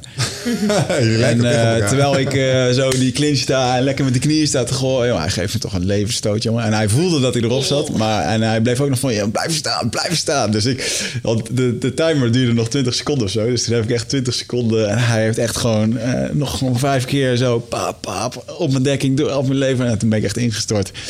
Ja, maar dat is wel... eh, hij zat echt helemaal in die modus van... eh, en nu moeten we even dat killgedrag... eh, Ja, ja, ja, ja, ga je ook al. Oh, hoe voelt het om, om neer te gaan op een lever? Hoe leg je zoiets uit? Dat is echt vreselijk. Ja, maar als je het zou moeten, uit, als je het zou moeten verklaren, wat, Ja, wat, je? Hoe Het voelt mooiste, het? het mooiste voorbeeld dat ik daarvan heb was toen ik in Australië was. Toen was ik met een paar van die... eh, zat ik daar een jaar en ik een beetje trainen bij een gym. Een paar gasten leren kennen. Toen gingen we samen rondreizen. En een van die jongens die vond het helemaal te gek. Die was net begonnen met kickboksen. En eh, die, die vond het vooral... Het, in het wereldje zijn vond het helemaal te gek. En toen we een keertje dronken eh, eh, waren in Melbourne... Op een avondje, toen gaf een van die gasten gaf hem een leverstoot. en ik zag deze gast instorten en zo... Call an ambulance. weet je, je weet Ja, dat het ja, over ja, een paar ja. minuten... Maar als je het nooit hebt ervaren, dan denk je Ja. gewoon dat je doodgaat. Ja, ja, ja, ja. ja. Ja, want het is echt even die fractie van een seconde. Eerst denk je, ah, en dan ineens, oh, dan, dan pas voel je hem. Ja. Het duurt gewoon Ja, even dat vertragingseffect is het gemene. Ja, ja, ja, vreselijk. Ik heb daar één iemand een keer echt een coole move mee zien maken. Die zat er ook op. Pam, die gaf hem en die stapte al zo terug zo. Liet zijn dekking al zakken. Zo van, komt hij zo. Ja, ja, en die ja. gast zit er, wat doe je? En- Mooi, hè? Ja, het is nasty business. Ja. Lachen. Hey, ehm, ik hoorde je net nog even iets zeggen over ehm, afhouders. Ja. Ik wil deze eh, gelegenheid ook maar even aangrijpen om even wat technische dingetjes boven water te krijgen, waar ik zelf eens mee worstel. Mijn meest vreselijke kickboxblessure heb ik te danken gehad aan een afhoudtrap. Oh. Namelijk, ik maakte een afhoudtrap richting iemands plexus. Die gooide zijn ellebogen voor en daardoor kwam mijn nagel erachter. En mijn nagel stond dus op een gegeven moment 90 graden op mijn teen. Auw. Ja, en sindsdien ben ik heel terughoudend in het geven van afhoudtrappen. Eh, Want ik trap altijd of op de elleboog of eh, het komt meteen komt Ja, op, of wat dan ook. En als ik dan die wedstrijdvechten zie, die gooien hem met overtuiging, watts, er dwars doorheen. En dan denk ik, doet jullie nooit pijn? Of hebben jullie een of ander trucje geleerd wat ik nog niet ken? Ja. Nou, ik, heb af en toe ook wel eens dat ik meteen blesseer daardoor. Ja, En eh, ik heb ook wel eens in de ambulance gelegen om eventjes een fotootje te maken van in het ziekenhuis. Daardoor. echt? ja, maar er was na een wedstrijd in Amerika, dan eh ik kan net zo goed zelf met de auto heen rijden. Maar goed, het moest in dat een moet daar in ambulance. een ambulance. Ja, ja. Dus, eh, maar ja, eh, dat gebeurt wel eens. En nou, ja, nagel heb ik even afkloppen gelukkig nog nooit gehad. Maar dat lijkt me ook niet echt een pretje. Ja, dat was mooi. Ja, wat ik gewoon echt probeer is echt met die bal van mijn voet en te timen. Als ik iemand heb die echt dicht staat, met zijn armen sowieso al dichtbij, ja, dan schop ik hem niet. En omdat je dan inderdaad het risico loopt dat je tegen een elleboog... Heb je iemand die wat, wat meer op thai-box-houding staat, dus die elleboog wat waaier en... ehm, ja, dat, dat raakvlak gewoon wat groter is, zeg maar. Ja, dan probeer ik me eerst in te leiden. Of als ze juist op je afkomen, dat ze zelf een stoot willen zetten. Want dan, is die, dan, is, dan heb je nog maar één arm die, in gevaar, of, eh, die jouw eh, letsel kan aanbrengen, zeg maar. En dat je hem dan even ertussendoor zet. Ja. Dat je, ja, vanuit een... Als je tegenstander je aanvalt, dat ik die afhouwer zet. En dan als... eh, letterlijk echt als afhouwer en niet als aanvalsbeweging. ja, misschien dat hij daardoor ook wel sneller wordt. Als je hem te snel en te krampachtig geeft, dan hebben ze ook iets meer ja, tijd om te helemaal nu, als je, wat je zegt, je bent bang om te geven. Ja, dat zit, Dus zit- ja. het zit al tussen je oren en dat houdt je waarschijnlijk al een beetje tegen, denk ik. Ja, klopt. Nou, dat zat er met name in het stukje daarna tussen hem weer recht moesten drukken, zeg maar. Dat, is, snap ik. Ja, dat was Ralf. Ja, Ralf ken je nog wel, toch? De underdog, die grote oude vechtsporter was dat. Eh, Hij heeft ook nog free fight partijtjes eruit en zo. En die stond ernaast. Hij zo, eh, zo oud militair, dus die is niet zo snel. De hij zo, eh, ja, die moet wel even terug. Heb je een beetje nog in? Maar- Ja, ja, zo. Een stukje teupgraag. oh, jongen, dat is echt naar. Lekker. Nasty. Gruesome. Wat is in dat opzicht, eh, want je zei al, eh, oorlogswonden. Of oorlogsverhalen, Ja. gelijk Ja. zijn. Wat, wat zijn dingen die je hebt meegemaakt in de training waarvan ik, nou, dat wensen we niemand. Eh, in de training eigenlijk. Ja, of in de wedstrijden ja, in de wedstrijd wel. Ja, mijn scars natuurlijk. Mijn bril die verschuilt uit een hoop. maar eh, dat, heb je littekens in? ja, natuurlijk. Ja, ja. Ik heb twee. er Ja, ja, zit inderdaad. nu een ja. beetje foundation op. Dus Oh, zo, ja, dat helpt. Ja, ja, ja. Dat is eh, mooi van vrouw Die komt zijn. ermee weg. Ja. Nee, dat komt om eh thai-boxwedstrijden. Hmm. En ehm, ja, ik vocht twee wedstrijden. En ik was gewoon, hoe moet ik het zeggen? Wat minder gemotiveerd. De, ja, die tijd. En dat kwam gewoon omdat ik privé gewoon veel te druk was. En toch wilde vechten. En toch mijn wedstrijden wilde maken. En eh, ja, dan ben je gewoon iets minder scherp. En dan loop je tegen dat soort stomme foutjes. eh, want Ja. eigenlijk zijn het gewoon foutjes. eh, ja, je handen niet hoog. En eh, dan gebeurt dat. Ja, permanent aandenkentje. Foutje. Ja, foutje bedankt. Maar ja, gelukkig mocht ik doorvechten en gelukkig toch gewonnen. Mhm. Dus ja, wat dat betreft ja, Ja. zijn het ook wel weer mooie aandachts... Of mooie, Aandenkens. mooie, mooie aandenkens, Ja. Scars from the battlefield. Grappig Ja. als je daarover nadenkt. Eh, voor de gemiddelde Nederlander die- Weet je wel, oké, iemand heeft zojuist een scheur in mijn gelaat geslagen. Gelukkig mag ik doorvechten. weet je wel, sta daar Ja. even bij stil. Zo van, hoor, hoor je het jezelf Ja, zeggen? ja, ja. is niet helemaal standaard Nee, volgens mij. klopt, klopt. Had je dat altijd al? Ja, ik heb wat dat betreft wel altijd zoiets van... eh, Oké, ja, ik heb eh, een hand geblesseerd. Nou, ik heb nog een hand, ik heb nog twee benen. Dat is een hele goede houding. Ja, dat denk ik wel. Ik heb toen een keer een wereldtitelpartij gevochten met een gebroken hand. Is het handig? Nee, zeker niet. Want ik Eh. brak een week voor mijn wedstrijd mijn hand. Heb ik even mijn mond gehouden tegen mijn trainers. Maar goed, was het handig? Nogmaals, Sorry, wat, heb je dat vers- jij hebt je gebroken hand verstopt voor je trainers? Ja. Hoe doe je dat? Gewoon cardio. ik zeg, joh, er moeten nog een paar kilootjes af. Ik ga alleen even cardio deze week. Nou ja, Heb je ze achteraf verteld? Ja, uiteraard. Maar ja, dat moest wel. Nou ja, ze kwamen er zelf achter bij het ontbijt in het hotel. Ik kon geen broodje snijden natuurlijk. Dus toen zeiden we, wat is eh, loos met je hand, Jorien? Ja, die is een beetje kapot, denk ik. En, Ja. nou ja, inderdaad, eh, die drukpijn die je dan hebt als je aan je vinger trekt en eh, duwt, dan... Geen permanente consequenties? nee, aan gelukkig eh, niks, nee.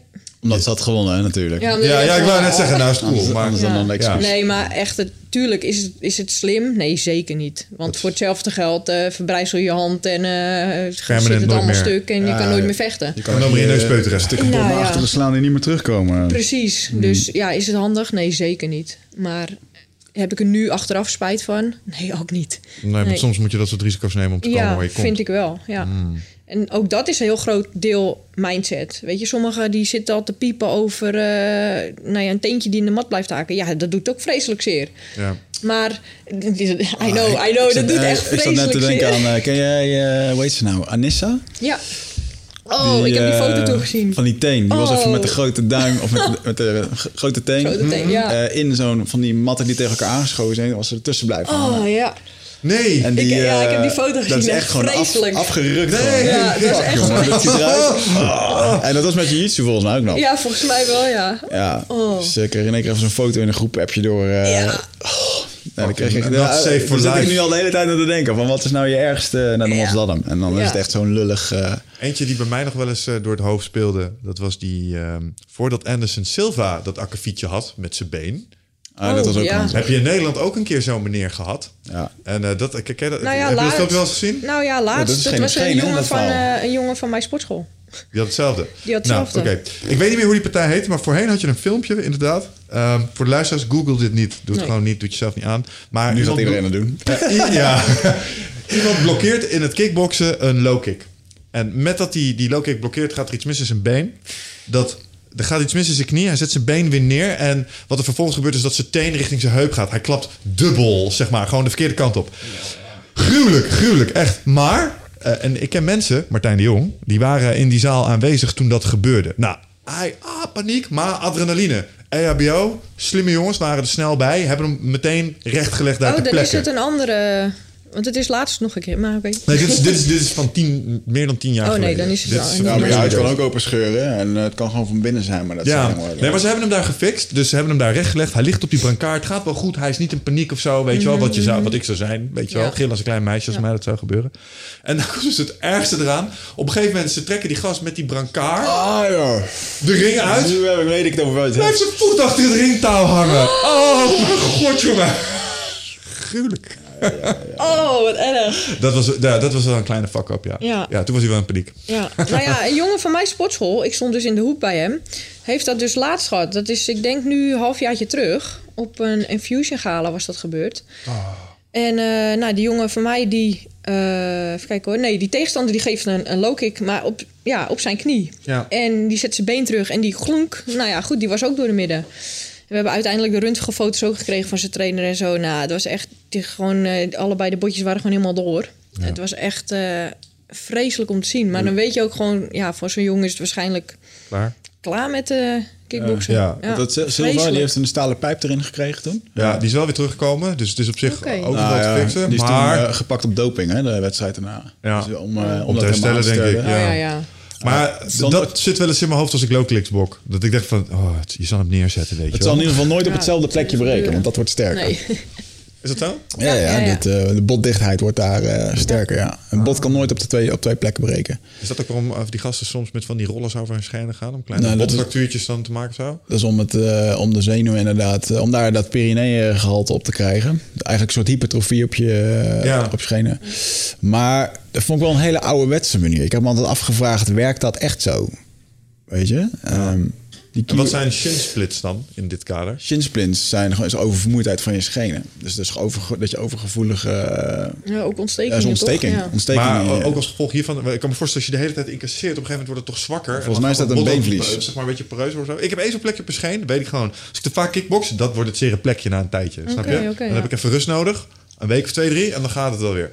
Scheenbeenvliesontsteking is echt dat vlies. Oh. Ik heb het ook al gehad. Als je dan hard loopt, dan je kunt gewoon niet eens de trap oplopen. Zozeer doet het. komt vaak van Zelfs als je overtraindheid. spijkerbroek al aantrekt, dan... eh oh, vreselijk. Maar al die Kyokushinka gasten die met blote handen op stenen slaan en zo, die hebben helemaal ver- ver- verknokte of eh, vervormde knokkels. Niet zozeer omdat het dat die knokkels echt vervormd zijn, dat er deuken in zijn. Kan ook wel, maar juist omdat er eh, kalk gaat vormen op het moment iedere keer dat je. ja, het is een soort hypertrofie. Dus het, eh, het herstelt zich iedere keer. En daardoor komt er eh, een stuk ja, kalk of bot eh, op. Dus Ja. dat. Ja. En ik denk ook wel dat de gevoeligheid van je zenuw... Ik bedoel, uiteindelijk raak je je benen ook gewend aan de impact iedere keer. Ik weet nog wel, als ik af en toe lang niet had getraind... of ik weet zeker, als ik nu 10 low kicks op mijn zak zou geven... dan heb ik gewoon pijn op mijn been. Ja, ja. Wat grappig is, wat me hier aan doet denken, is je, je lichaam went eraan, maar het doet ook meer als je denkt. Ik weet nog dat toen ik bij Overload eh, in die opleidingsdingen zat, dat ze het ook altijd hadden over vechtsporters. En dat die gewoon toch eigenlijk ook wel van het ICC op de maag een soort trauma hadden. En dat doet weer allerlei dingen met je maag en met je opname en dat soort dingen. Nou, dat hebben meeste vechts, of sommige vechtsporters kunnen iets van, ook al zijn ze strak en droog, weet je, als je gewoon relaxed staat, dat ze naar buiten buiken, zeg maar. En dat heeft iets te maken met het trauma dat je dan oploopt door het vele incasseren en verklevingen die daar in die spieren die dat bij elkaar houden en zo. Ja. Bas met name, die vertelde daar toen over. Want die heeft ook met Stefan Stroeven gewerkt destijds. Ah, oké. Die weet daar wel iets van. Ja.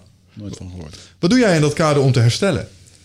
Ehm, ja, mijn rust pakken Ja, op de juiste momenten. speciale Ehm, dingen je- Ja, ik ga naar eh, Reset. Nou, dat was voorheen uh, revalidatiesucces. Oké. Die jongens die hebben ook bij Overload eh, hun opleiding gevolgd. Mm. En ja, die fixen je gewoon echt binnen de kortste keren. Mylogenics. Zo, echt. Maar dat werkt echt als een tierenlier. Ja, dat is echt mooi, hè? Ja, dat is echt bizar. Tovenaars zijn het.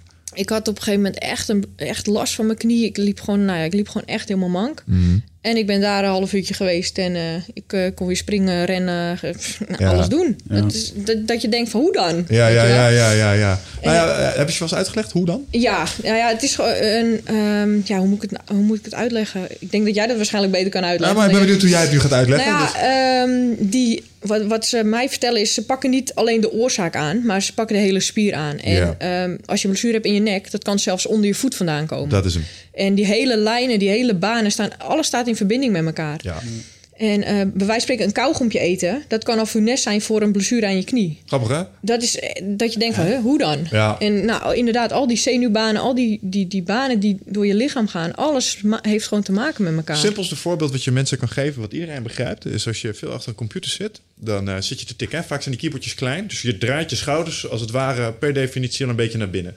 Dus hier heb je spieren, hè, alle Latijnse namen even ten spijt, maar dat, dat koppelt aan elkaar door. Dat zit aan je schouder vast. Vanuit je schouder gaat het naar je nek. Vanuit je nek gaat het hier achter naar je hoofd toe. Dus jij krijgt, daar krijg je hoofdpijn van, omdat er hier een spier vast zit. Ja? En wat gaan mensen doen? Die gaan hier zitten, want ah, het zit hier zo vast. En dan gaan ze daar even, dan gaat het iets beter. En dan ga je hier aan de voorkant, maak je hem los en dan denk je klak, klak, klak. Gaat alles open, deze Ja. laat los, weet je wel. En ineens is alles weg. Want hij zat hier. Ja. En niet hier, maar hier zat de pijn. En eh, die Overload Klopt. Boys zijn echt geniaal in kijken. Oh, is dit hem? Nee, is niet. Gaan we anders testen? Ja. Tak, tak. Oh, dan kan dat hem misschien zijn. En zij Ja. zeggen, als je binnen drie keer, na drie keer nog terug moet komen... Ja, dan zijn we het gewoon niet goed aan het doen, zeg maar. De meeste fysiotrajecten kom je 10, 12 Ja. keer. En die behandelen de plek waar je last hebt. En die overload jongens die gaan heel proactief op zoek naar... waar zit, waar zit het issue ja, echt? ja, ja. Alleen dat is niet altijd een heel prettig proces. Nee, ja, het doet even pijn vaak. Maar eh, ja, het is wel... eh, ik zeg altijd zo, het is ook zo bij een fysio... Als ik, het, ik wil het echt voelen. Want anders, als iemand zo zit te aaien en te wrijven... dan denk ik altijd, nou ja... Het moet bij mij werken. En bij hun, als je één, dat zeg ik, één behandeling hebt gedaan... dan voel je gewoon, nou, gewoon zoveel verbetering. Zeker, Ja. je bent er gewoon al vanaf. Ja. Wat ik interessant vind is, ze hebben die, die dwarsbehandelingen die we daar leren, zeg maar. Dat ze met, ze met hun onderkant van hun arm op bepaalde plekken. En dan voel je soms gewoon in je nek, dan zitten ze op een plek. En dan, dan voel je, ze- voel ze even, oké, komt die. En dan zetten ze iets aan en dan zetten ze die druk. En dan, en dan denk ik, ook, voel je alsof er over verse sneeuw ja, ja. wordt gelopen, Ja, ja. weet je wel. En dan, en ineens voel je klak en dan later iets los. Dan denk ik, tegen mij, hoe wist je dat, weet je Ja. wel? Ja, dat is zo knap. Ja, lekker. Kan je het ook gewoon als onderhoud doen? APK? Ja. Ja, als, ja maar eh, kijk, eh, ik ga hiervoor bijvoorbeeld naar Frans Reinoud. Dat is ook zo'n eh, Milo-gast. Als ik weer eens echt vast zit. Die zegt ook, ja, functiepathogaan, je moet nu gewoon bewegen. Dus zij geven je oefeningen mee om ervoor te zorgen dat je die dingen die vastzaten los kan houden. Ja, ja, ja. Maar ja, je gaat je gedrag niet meteen aanpassen. Dus je, dan kom, zit je later, even later zit je weer met hetzelfde probleem. Ja. Hoewel ze je de oplossing wel hebben gegeven dan Ja, vaak. ja. Ja, ja, ja, ja. Ja, ik train ook bij Frans. Maar Frans geeft mij nooit Mylogenics. Misschien moet ik dat eens even vragen. Zijn wij gewoon een soepele jongen. Nee, maar nee, ik heb altijd heel erg eh, in mijn schouders. Heb ik een eh, plek. Ook als ik flink krachttraining ga doen, dan krijg Ja. ik altijd een beetje een brandberig eh, gevoel tussen mijn linker schouderblad. Ja. Dat is echt, als ik ga deadlift of zo en ik ga over een bepaald punt heen waar ik, eh, ja, waar ik aan mijn max kom, dan begint dat te branden en te doen. En, eh, en ik merk nu, we hebben een paar drukke weken gehad. En ook inderdaad met die computer en met vechtsport, met YouTube staan we ook Ja, zo, zo, weet je wel. Ja, ja, ja. En dan echt, jongen, deze week eh met maandagochtend naar de fysio gegaan. Echt een dubbele, dubbele afspraak van eh, alsjeblieft maak het los, weet je wel. Ja, ja. En wat dacht je van podcast? Ik merk dat. dat ik, ik ga mijn schouders in trekken als ik geconcentreerd zit te luisteren, weet je wel. Ja. ontspannen. Maar eh, even over jouw deadlift en zo. Eh, nou ik daarover nadenk. Dat is gewoon ook het begin geweest toen ik met Myrogenics in aanraking was. Je bent er wel geweest toen. En toen zag ik dat jij ineens je tenen weer kon aanraken... waar je dat tijden niet had gekund. dacht ik, Ja. oeh, I gotta get in on that shit. Want ik ben ook een stijfhard. Na 15 jaar kon ik in één keer eh 15 centimeter verder eh kon Ja. meteen aanraken. Dat Ja. had ik nooit gekund. of tenminste, niet, niet op die manier. Nee. Toen ben ik ook kort daarop naar Noël gegaan. En die liet me dat ook zien. Want ik kon niet squatten. Ik kon niet met mijn hakken op de grond. Oh ja, ja, Bij ja. ass to the grass. Dat was Nee. gewoon niet te doen voor mij. Ja. En eh ja, Noël op zijn Noëls, die liet mij een paar dingetjes doen. Zo stond hij daarnaast zo, jezus, wat de auto-ongeluk, weet je wel. Maar we gaan het fixen. En eh, de- hij heeft hij even aan de achterkant bij, bij je bilheup, maakt iets los. Dus ik probeer nou eens. En ineens. Oké, nou kun je squatten. Hier heb je een barbel. Holy shit. Ja. En ineens kan je trainen zoals je nog niet getraind hebt. Ja. En, eh, ja, het is echt fascinerend. Super, ja. Ja. Van die, eh, die Kelly Starrett, die heeft dat boek geschreven van de Supple Leopard. Die heeft ook een eh, presentatie dat hij bij Google, eh, voor al die kantoorpikkies, is hij dan aan het uitleggen hoe mensen eh, soepel kunnen blijven. En dan, ziet hij, dan eh, laat hij op een gegeven moment een foto zien van een tosti. Dus je hebt het brood en dan de tosti met al die kaas die er doorheen gesmolten is. Hij zegt, dit is gewoon een spier die niet eh, bewogen is. Weet je, die gewoon helemaal aan elkaar kleeft door, Oh, door melkzuur, door dingen. En, en dat is waar 9 van de 10 mensen mee rondloopt. In plaats van een vers stukje rosbief wat er eh, glad gestreken uit zit. Ja, Ja. Ja, interessant. Maar die jongens die helpen je dus met, eh, met het te stellen. Ja, Eh, na- naast nog andere dingen? Voeding, eh, Ja, floten, weet ik voeding. Ja, ik train mijn krachttraining en word ik begeleid door Dikla Vrolijk, een vrouwtje uit Den Helder ook. Die ja, helpt me met mijn voeding en mijn krachttraining erbij. Ook Reset doet dat, maar ja, zij doet nog even extra ondersteunen daarin. Wat doe je voor krachttraining? Eh, bij haar voornamelijk ehm, ja, de, de dingen die ik meekrijg via Reset dan, via Revalidatiesucces. En daar, daarbij nog een beetje uitbreiding in inderdaad eh, de hiplift. Ja, gewoon om mijn core wat sterker te maken Mhm. allemaal. Want ik merk dat, merkte op een gegeven moment dat mijn core gewoon best wel verzwakt was. En eh nou ja, hiplift, deadlift, ehm, eh, veel met de kettlebell, Oh, eh, lunches, Ja. ja. ja, dat soort dingen allemaal. Een beetje, een beetje je crossfit-achtig. Niet echt dat hele optrekken en allemaal de circuitjes, maar wel ja, toch wel weer een beetje ja, circuittraining-achtig, zeg maar. Ja, ja lekker divers. Dat is Ja, ook wel- Kettlebell ja. trainen is voor vechtsport is echt supergoed. Ja. Sowieso wel voor, voor iedereen eigenlijk wel. Ja. Dat is echt een mobiele gym, jongen, zo'n eh, zo'n kettlebell. Hebben we het lang niet meer over gehad hier, maar Ik haat het. Waarom? Ah, ik weet niet. Ik vind het zo'n. eh, ik weet dat het heel goed is. Wat dan? Ja, ik vind het gewoon geen relaxed eh, oefening of zo. Ik vind squatten vind ik echt heerlijk om te doen. Deadliften. Krachttraining sowieso Ik vreselijk. krijg het altijd als finisher, weet je wel. Dan eh Ja, laatste oké, oefening. en ja, ik snap Oh, het. Ja, ja, vijf ja, ja. en dan, oh, joh, dan brandt het al helemaal. En dan, Ik weet welke schema's jij naar refereert. Ja. en dan, eh, dan leg je dat ding neer en dan kom je overeind en dan ben je misselijk, weet je wel. Dan moet je Mm. overgeven, bijna. Ja, en tabatta's. Ja. Als je kettlebell doet, wat voor oefeningen doe jij? Eh, nou ja, ehm kettlebell in de lucht, strekken en dan lunches, walking lunches. Oké, De ja. gewone kettlebell swing. Eh, even kijken, wat hebben we nog meer gedaan? Welk gewicht train je? Eh, wisselt. Ja, dat wisselt. Als je hem zo, zo'n shoulder press doet en je gaat lunches maken? Wat heb je dan boven je hoofd hangen? Mm, Volgens mij is dat 8 kilo of zo. Oké. Het, is, eh, het is allemaal niet echt heel zwaar gewicht hoor. Ook die hiplift, ook die deadlift is allemaal niet heel zwaar gewicht. Oh nee, maar het, het, het vergt wel het nodige. En eh, Ja. je spreekt je coördinatie ook aan. Dus daar Ja. zal een idee achter zitten om dat op precies. die manier te doen. Dus, en we eh, doen vaak setjes van eh, eerst 9, 15, 21, zeg maar. Dus we Hoeveel? doen 9 keer 9 herhalingen, dan een rondje. 15 herhalingen, 21 herhalingen. ja, Weet zo je ook wel? eh, Dus- bijna verkapt cardio ook zitten. Ja, er, ja, eh, ja, klopt. Ja. Ik, ik moet ook niet te veel eh, gewicht aan, spiermassa aankomen Nee, of zo. Want zeggen, ja, er het moet ook nog het een en ander af.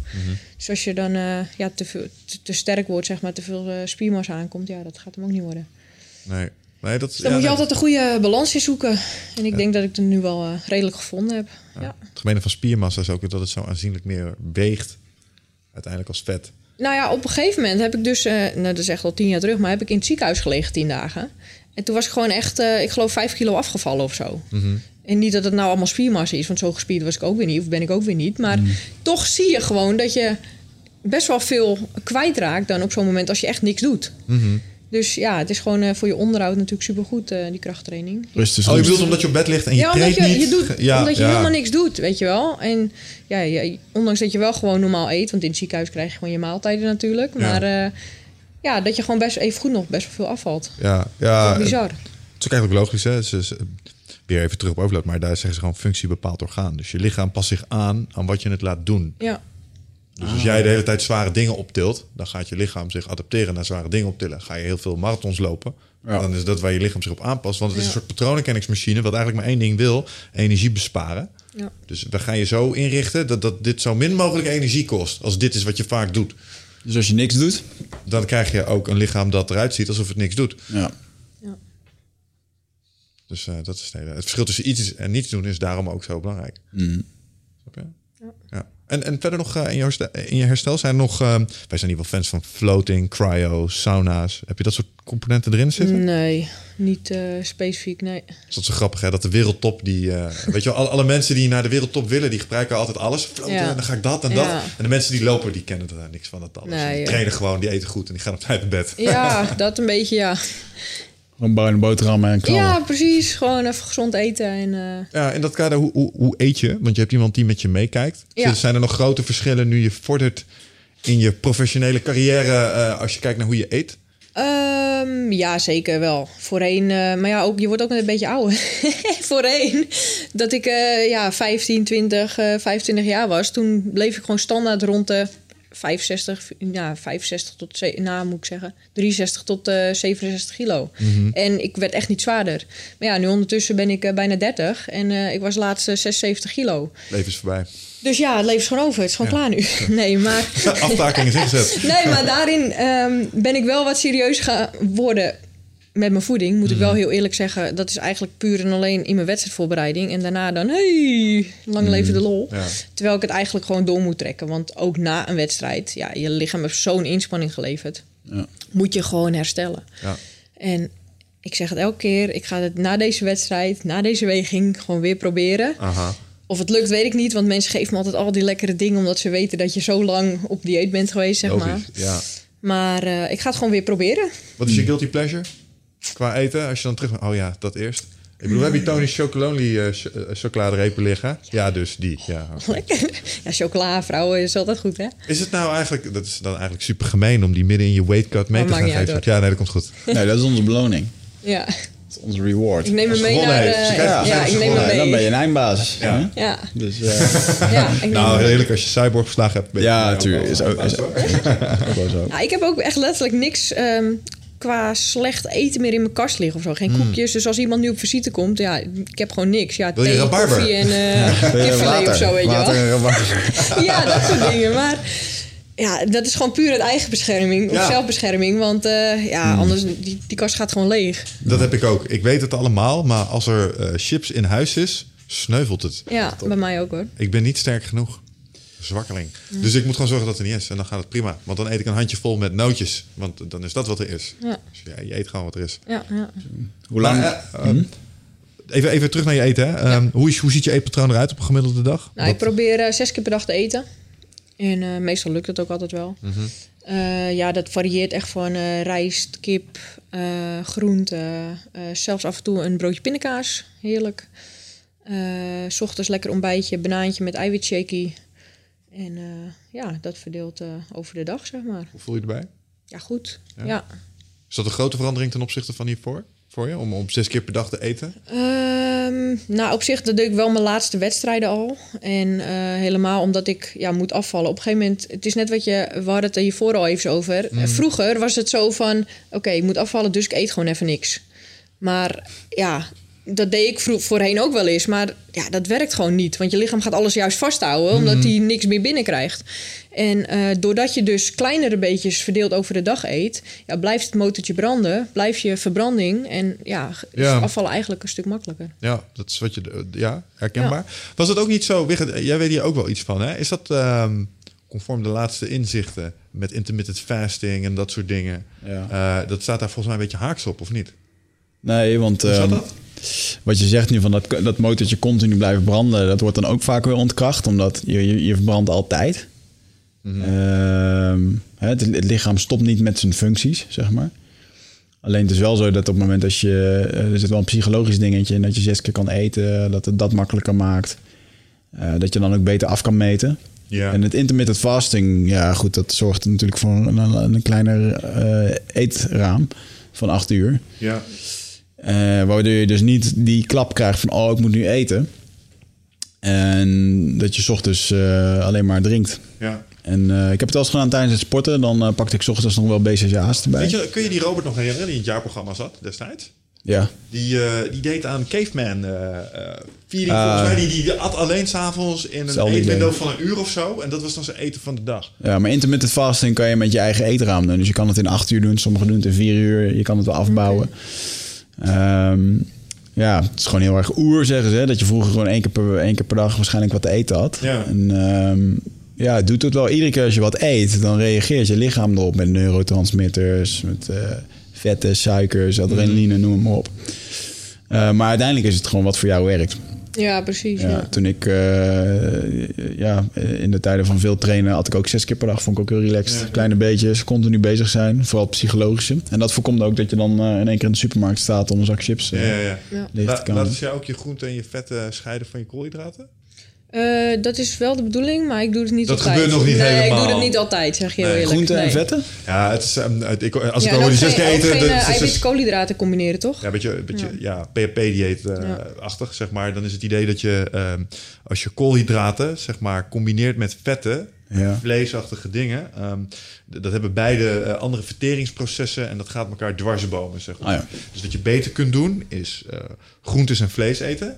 En als je dan koolhydraten eet, dat combineren met groenten of iets dergelijks. Maar bijvoorbeeld een nasi, eh, daar zitten eh, carbs, rijst, groenten en vlees en vetten vaak in. En die combinatie zorgt voor een aantal verteringsprocessen die niet helemaal compatible met me zijn. En dat is dan een soort energielek.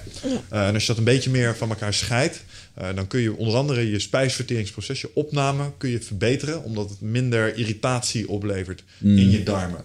Eh, want dat hadden we hier toen ook met die eh, Richard Delet volgens mij over, dat ehm, als je darmsysteem gestrest is, dus veel prikkels krijgt, emotioneel of door de voeding die erin gooit, gaan er ontstekingen ontstaan. En omdat je die ontstekingen op je darmwand hebt, eh, kun je gewoon minder, weet je wel, die energieknikkers waar we het wel eens eerder over hebben, haal je gewoon minder uit je voeding. Ja, ja, ja. En, en om dat proces, zeg maar, zo min mogelijk stress te laten veroorzaken in je lijf, zeggen ze, nou, haal dat maar even een tijdje uit elkaar. Mm. Eh, kijk hoe je daarop gaat. eh, en pas op basis daarvan aan. Maar dat, dat creëert een soort baseline. Dat, dat- misschien ver, vernachtelijk een paar dingetjes, maar dat is grofweg eh, de filosofie. Nou ja, ik ga wel heel goed op 's middags eh, dat vlees eten. Ja. S'avonds wat minder. S'avonds gewoon lekker een salade of licht eten.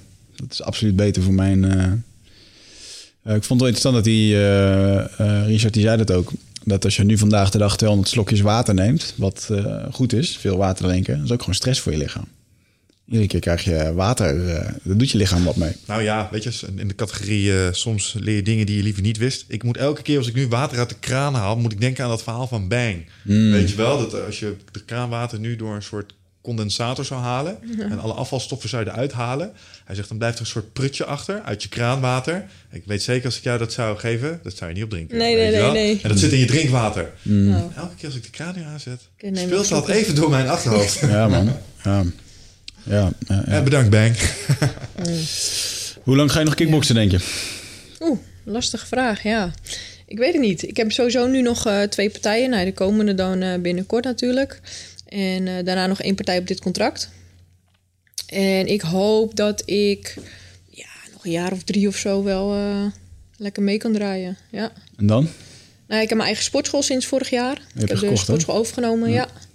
En dat draait ook supergoed. Dus ja, ik hoop, eh, ja, dan ga ik gewoon daar lekker mee verder. En met de andere wedstrijdvechters. Wat slim. Je, hebt gewoon, je bent al iets aan het neerzetten wat gewoon iets kan genereren voor later. Ja, Je bent dus vechter en onderneemster. ook dat nog. Kijk ja, aan. ja, ook dat nog. ondernemerschap? Ja, leuk. Ja.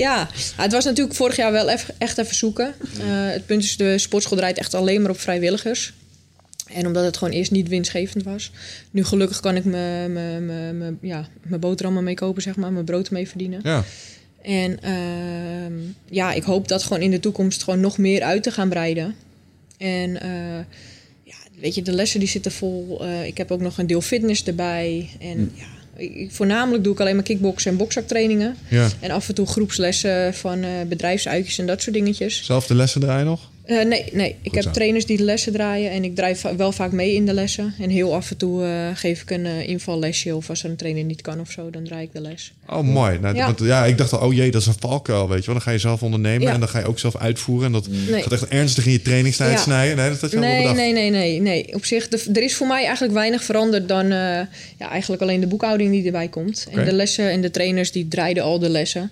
En die zijn gelukkig ook allemaal gebleven. En eh, ja, super, eh, super dankbaar voor. Hoe heet je gym eigenlijk? Sportsart. Sportsarts. Zo heette het altijd al. Ja, ja, zo heet het altijd al. Dat er geen eh, baarsgym van maken. Nou ja, ik heb nu eh, het vechtdeel wil ik zeg maar team Jorine Baars of team Baars van maken. Ja. Maar ja, dus ze zijn nog bezig met het Eindbaars. logootje. Team Jojo. Eindbaars. Ja.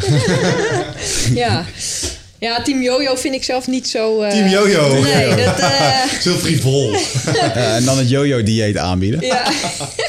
nee, dat zou op zich wel bij mij passen, ja. Dat Jojo die Ik las van, van, de Jojo week, dieet, van, dat is twee weken niks eten en dan twee weken naar de Mac en dan twee weken niks eten en dan twee weken naar de KFC. van de week had ik, las ik ergens een grappig t- Twitterbericht van iemand die zei van ik zou mijn gym Hocus Pocus noemen. En dan zou ik Pilates geven en dan dat mensen dan een Hocus Pocus Pilates pas krijgen. Oh ja. ja, dan heb je er wel over nagedacht. eh. Ja, ja, ja, Leuk. ja. Het moet gewoon Ja. gebeuren. Ja, mooi. De Hocus Pocus gym. Ja. Ja, hey, maar, maar, eh, ik vind het wel. Ik vind het wel hartstikke goed. En, en ehm, je zegt al, eh, fitness, kickboxlessen. ehm, Ja. Ideeën voor de toekomst? Ja, ik zou wel wat willen uitbreiden, maar misschien met dameslessen nog. Alleen het punt is, ja, dat zeg ik, we draaien nu echt alleen maar op vrijwilligers.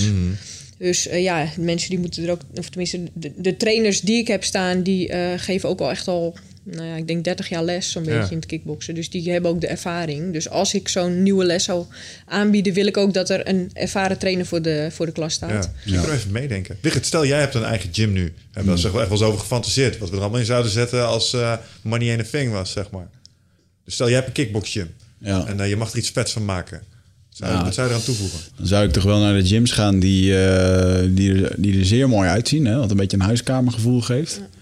Maar eh, en waar, waar toch gewoon de rauwe apparaten staan. Dus inderdaad wel eh, onconventionele eh, apparaten. Ja. En eh, ja, ik denk, dat je, ik denk dat ik niet puur zang op die crossfit zou willen. Dan, dan krijg je dat. Ja, niet, dat is ook helemaal top. Maar dan krijg je echt zo'n crossfit gym. Wat wel vaak een apart... ja, mag wel meer eh, een allround. Iedereen is welkom. eh. Binnenkort hebben we iemand van de Rockstar Institute hier in Amsterdam. Ja. En die heeft een vette gym. Het is gewoon eh, zo inderdaad een huiskamer-idee. Ja. Eh, heel veel met personal training. En eh, daar hoef je geen topsporter te zijn om daar te trainen. Maar wel gewoon gemotiveerd. Ja, Ja, ik, tof. denk vooral in de richting van eh, multidisciplinair. Dus dat je op zo'n. je, hebt, je, je hebt al krachttraining, weet je wel. Ja. Inderdaad, alleen inzetten op de eh, beetje. De Big Four achter. De, de dingen die je met barbels kan doen. Pull-up bars. Niet te veel van die gekke automaten zoals de elliptical of zo, weet ik veel. Eh, daar is min- veel met lichaamsgewicht, kettlebells, battle ropes, dat soort dingen. Ja. Een mat. Ja. Twee hoeken waar je eh, een ring. Je moet een normale ring hebben, maar je moet ook een kooi hebben. Denk ik. Een stukje met zakken. Waar je gewoon eh baks door floatcabines. Sauna zou, zou wel aardig zijn. Ja, ik, ik- Behandelruimtes voor mijn myelogenic Ja. specialisten. Maar als je, daar, Kijk, als je ja, daarnaar ja, ja. kijkt, dan uh, dat is natuurlijk wel de droom. Maar ik heb daar een keertje met iemand over gehad die zo'n centrum had. En dan uh, kom je er al snel achter dat één zo'n vlootcabine gewoon super veel onderhoud is. Dat het ding, maar ja, als die bezet is, is die bezet. Ik bedoel, als je er tien hebt, dan kan je continu open zijn en zo. Dus ik heb daar wel, uh, bedrijfstechnisch zou ik dat minder snel doen. Maar ik snap wel je punt, ja. Ja. Dat, dat is wel het... Uh, Een holistisch centrum. Ja. Boven een meditatieruimte. ja. naast het kickboxruimte. Ja, dus. Ja. wij zitten dus op een En dat is dan boven, juist de bovenverdieping. training, weet je wel? Om daar niet eh, afgeleid door te Ja. worden. Ja, nou, wij hebben een bovenverdieping. En eh, het is best wel groot hoor. Het is, eh, ja, ik weet niet eens hoe groot het is, volgens mij 700 vierkante meter. Mhm. Maar wij zitten dus boven een casino. En ik ken een meisje die in het casino werkt. en ze zegt, wij hebben af en toe echt als mensen hier, die zitten op die kasten te spelen. En die horen dan echt dus, dus, dus tegen die bokzak. Ja. dus het is best wel gehoorig. En eh, sorry, maar eh, ja, dat gebeurt. Ja, ik heb ook nog nooit een stille kickboxles meegemaakt. Nee, nee, dat eh, gaat met die man ook nooit gebeuren. Ben jij daar gevoelig voor? Ik hoorde je net al een paar keer. de- je hebt een paar soorten trainers, zeg maar. Je hebt de gasten die daar helemaal. oh, die Ja. staan naast je en die werken met stemverhef. Ben Ja. je daar gevoelig voor? Soms irriteert dat me. Ah, Ja. ja. Het, ja, ik train heel af en toe wel eens in een andere sportschool. En, en dan heb je weer andere trainers die er inderdaad langs de kant staan. En, ei, ei, kom op, ei, ei. Dan Ja. denk ik, oh, hou je mel. Maar eh, ja, soms... eh, ja, als ik zelf op de pets bezig ben of zo... dan heb ik af en toe wel even dat... dat, dat ehm, eh, hoe moet je dat zeggen? Ja, die scherpte nodig dat je trainer je even oppept, zeg maar. En eh, kom op, even doorgaan. Bap. En in plaats van te zeggen, kom op, hè, even doorgaan. Ja. Ja, je, neemt, je neemt zijn houding echt over. Ja, het is, eh, het is ook een beetje het moment van, eh, van het spelletje. Ah, nee, niet, niet zo hard. Weet je wel? Auw, auw, nee, Ja. zachter. Ja. Ga niet werken. Nee. Nee, lachen. Oké.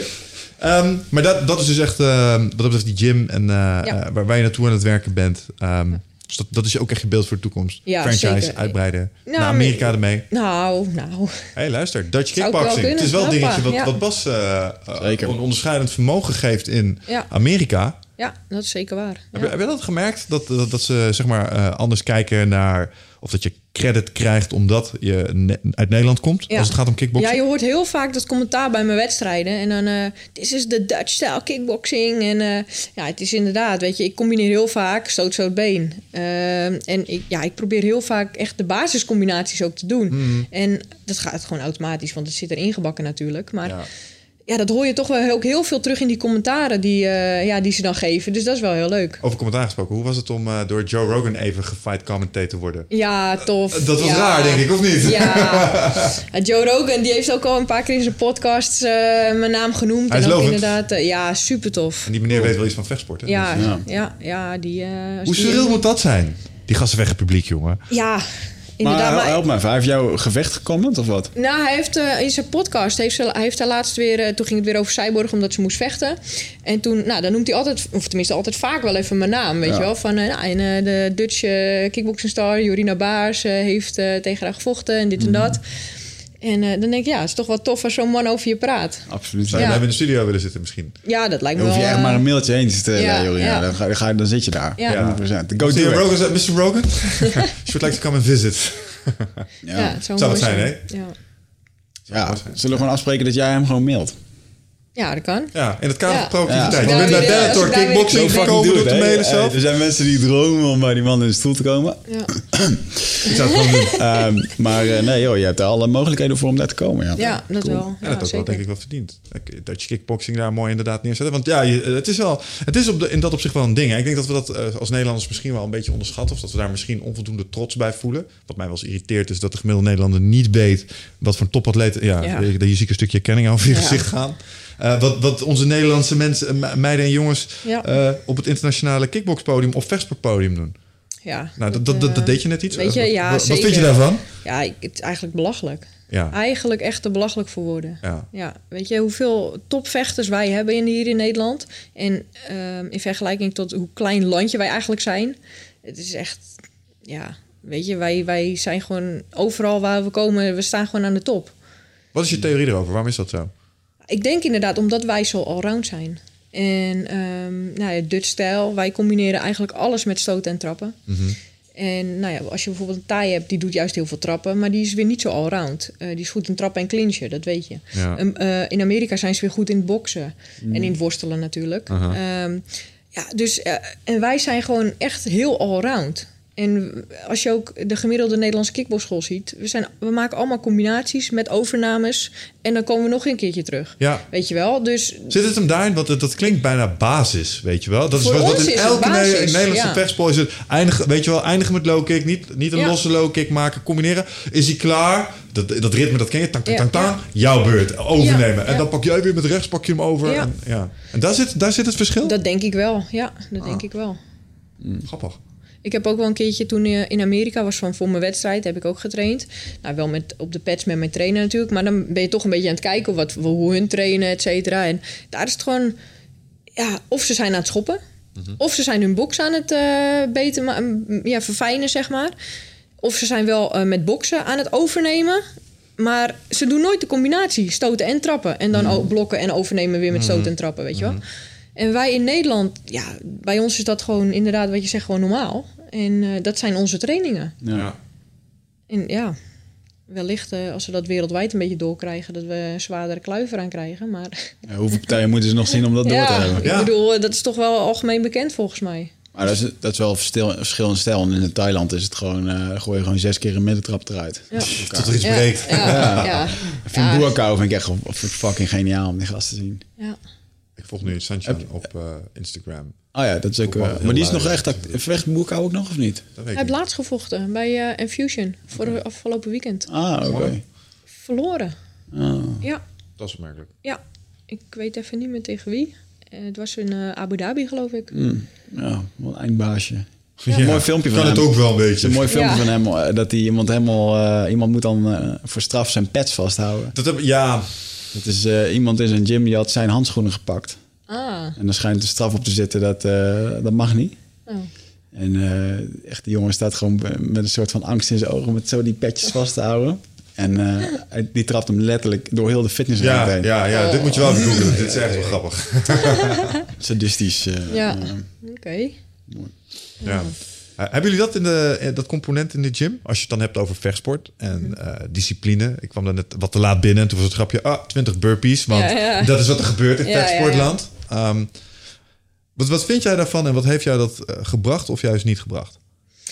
Nou, ik vind dat op zich wel goed. En waarom? Omdat je anders... ehm, ja, je, je ziet gewoon dat tegenwoordig heel veel mensen zijn heel druk. En die proberen overal op tijd te komen, maar eigenlijk lukt het vaak niet. En wat, wij, wat ik in mijn sportschool ehm, heel vaak zie, is dat kindertjes te laat komen. Maar ja, door wie komt dat? Door de ouders. Wat we nu doen, is we betrek- betrekken die ouders erbij van... joh, wie is je vader? Ja, die. Mooi. Kom maar even hier, schoenen uit en eh, tien keer opdrukken, weet je wel? Dus wij proberen dat ook wel een beetje, de, die structuur er weer in te krijgen. Ja, ja. Want anders is het gewoon één losgeslagen boel... en dan komt iedereen maar Ja. wanneer die komt. En ja, ik denk niet dat je dat moet willen. Nog de vader van eh, Remco Perdoel, die eh, is mijn trainer. Eh, Louis Perdoel uit Taekwondo-ka hadden een Taekwondo-kamp in Hongarije. Er stonden honderd van die gasten uit heel de wereld. En dan had er iemand zijn band niet goed geknoopt. En dan zei hij gewoon, wie is je trainer? Ja, hij zo gewezen. 100 keer opdrukken, weet je wel. Ja, ja, ja. Ja, nee, maar omdat, omdat het, het is een vorm van eh fysiek straffen, zeg maar. Mhm. En, en ik weet dat als je van het voetballen komt of wat dan ook, eh, of het basketballen, daar zit dat component gewoon echt niet in. Ik heb altijd gebasketbald. Weet je wel, daar had je wel vervelende oefeningen, suicidejes lopen en zo.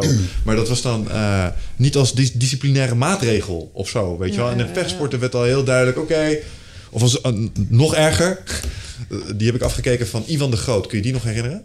Ja, die had ook een gym, Pancration Gym. En die had, hem, die had de mooiste straf. En ik heb hem een paar keer zelf toegepast. Ja. Die liet jou niet opdrukken. Die zette hij gewoon midden op de mat. Iedereen voorlichtsteun, Oh. opdrukken. En iedereen even één keer dankjewel zeggen. En dus dat was heel goed, dankjewel, terwijl ze het opdrukken waren. Dankjewel. Ah, dan voel je je echt een lul, jongen. Ja. Ja, dat is een hele goeie, ja. Ja. Dat moet hij uit die mariniersachtergrond. Dat kan niet anders. Ja, Ja, ja, ik betrap mezelf er nu heel vaak op, omdat ik dus mijn eigen sportschool heb. En vaak mensen die vragen wat aan mij. En dan ondertussen begint die les al, weet je wel. En dan sta ik nog, eh, ik moet eigenlijk wel gaan. Maar, ja, ja, ja. maar ik, ja, de- ik vind het ook lullig om, eh, ja, weet je, het is toch mijn sportschool. Ik moet dingetjes verkopen, handschoenen, mensen vragen advies. Ja, dus dan, ik ben regelmatig tegenwoordig echt vijf minuten te laat of zo. En dan ben ik gewoon echt al anderhalf uur in de sportschool. Maar het is gewoon puur omdat mensen ehm, ja, toch dingen aan mij willen vragen. Omdat ze denken dat ik het allemaal weet. En de barman, die, ja, die staat er dan maar en die weet het niet. Tenminste, in hun ogen dan. Je moet delegeren, Terwijl- joh. ja, ja, ik- je moet moet die meneer even hebben. Je moet nee durven leren zeggen. Ja, ja. Ja, Grenzen durven ja stellen. grenzen aangeven. daar weten wij dan toevallig wel Ja. wat dingetjes van. Ja, Nee, maar dus dat, dat, dat zijn wel dingetjes wat ik, eh, ja, waar ik zelf even wat scherper op moet ja maar, maar de reden dat je het ook zou moeten doen is omdat... ehm, en, en hier zit ook voor iedereen die een leidinggevende positie heeft een les in. een vis stinkt bij de kop. Dus als mensen Ja. bepaald gedrag vertonen... 9 van de 10 keer zit er ook iemand hoger in de boom die dat soort trekjes heeft. Ik heb wel eens op een kantoor gewerkt en dan was een van de directeuren was standaard 15 minuten te laat. Ja. Want dat was nou iemand de positie die hij had. Maar het gevolg was wel dat standaard iedereen 15 minuten te laat binnenkwam. maar maar het gevolg dat hij ook weer 15 minuten te laat binnenkwam. En ja, Ja. dan is het eind zoek. Lead Ja, by ja, ja. example. Ja. Ja. Ja. Lach man. Hij zit op een einde, jongen. Volgens mij ook. We zijn bijna twee uur voorbij. Dat vliegt altijd. Zo. Vond je het Snel, leuk? hè? Ja, zeker. Ja. Ja, gaat snel hè? ik vond het heel leuk. Ja. Ja. Lekker Ehm, een leuk gesprek. Ga je nog een keer... eh, eh, je moet binnenkort weer vechten. Ja. Was voor het eerst sinds zes maanden weer. ja, klopt. Ja, dat, dat- dat- wat, eh, wanneer moet je vechten? Wat ga je doen? Tegen wie moet je? 6 april vecht ik in Budapest voor Bellator Kickboxing tegen Julie Burton uit Frankrijk. Ga je winnen? Ja, tuurlijk. Makkie. Makkie zal het niet worden, maar... eh, nee, weet je wat het nu is? Dit meisje is best wel ja, nog onbekend, zeg maar. Mhm. Maar ze heeft, onder, ze heeft tegen een meisje gevochten... waar ik ook tegen heb gevochten... die onder, onder andere mijn scar heeft gegeven. Ja. En daar heeft ze ook van gewonnen, dus ze kan wel wat. Alleen het punt is... Zij is wel echt de underdog, dus zij heeft echt niks te verliezen. Nee. En ik heb best wel naam nu natuurlijk, Ja. dus ik kan eigenlijk alleen maar verliezen. Ik heb wel? gisteren twee partijtjes van er zitten kijken. Ja. Ik vond... eh, eh, doe je dat ook? Kijk je, kijk je naar de Ja. wedstrijden van die mensen? Ja, ik kijk voornamelijk niet eh, zozeer, want ik heb ook bijna nooit echt een gameplan of zo, weet je wel. Maar ik kijk wel naar of ze een zakken als ze schopt. En of dat in al die partijen dan weer terugkomt. Want ja, de ene partij vecht ze misschien naar voren, de andere naar achter. En daar kijk ik nooit echt naar. Maar ik kijk wel naar die kleine dingetjes van blok ze low kicks, Ja. Handen zakken. eh, hoe draait ze weg? Nou, staat ze rechts voor? Deze tegenstander staat rechts ga je voor. wel voor de KO in dat opzicht? Als je, als je een gameplan hebt? Zo van, want wat mij opviel in haar partij is, vecht ze veel uit. Uit in de zin van... Nou, de, de volle rondes. Dus ze moeten Oh, zo, het gaat om zo, zo, overwinning zo. Ja, vaak. ja, weet je ja, ja. Geen knockout. Dus het is wel technisch klopt. en ze beweegt makkelijk. Viel me op. Maar Klopt. sommige stoten zagen er niet link uit. Klopt. Eh, nou ja, op zich, ik heb maar 14 eh knockouts, CQ technisch knockouts in mijn carrière. Ik heb nu, ik geloof, 48, 42 partijen gewonnen. 0 Ja, verloren en Drie gelijk? Ja, drie gelijk. Ja, ja. Maar in ieder geval, eh, dus dat is ook niet heel veel eh, qua record. Maar ik probeer, ja, ik weet gewoon dat bij haar gewoon echt wel gaten zitten dat ik een knockout moet kunnen slaan. Mhm. Of het lukt, ja, dat is een tweede natuurlijk. En eh, ik ga er wel voor, ja, zeker. Ja, mooi. Nou, ik denk dat het helemaal goed gaat komen. Ja, Op het moment dat het geluk is, eh, dan lijkt het me hartstikke leuk als je hier nog eens een keer eh, terugkomt. Want volgens mij kunnen we nog wel meer eh, lekker geeken over allerlei kickbox ja techniek en zo. Dus eh, Zeker. ja, dankjewel dat je er was. Ja, jullie bedankt voor Dankjewel. Tot de volgende keer. Tot de volgende Yes. keer. Ciao.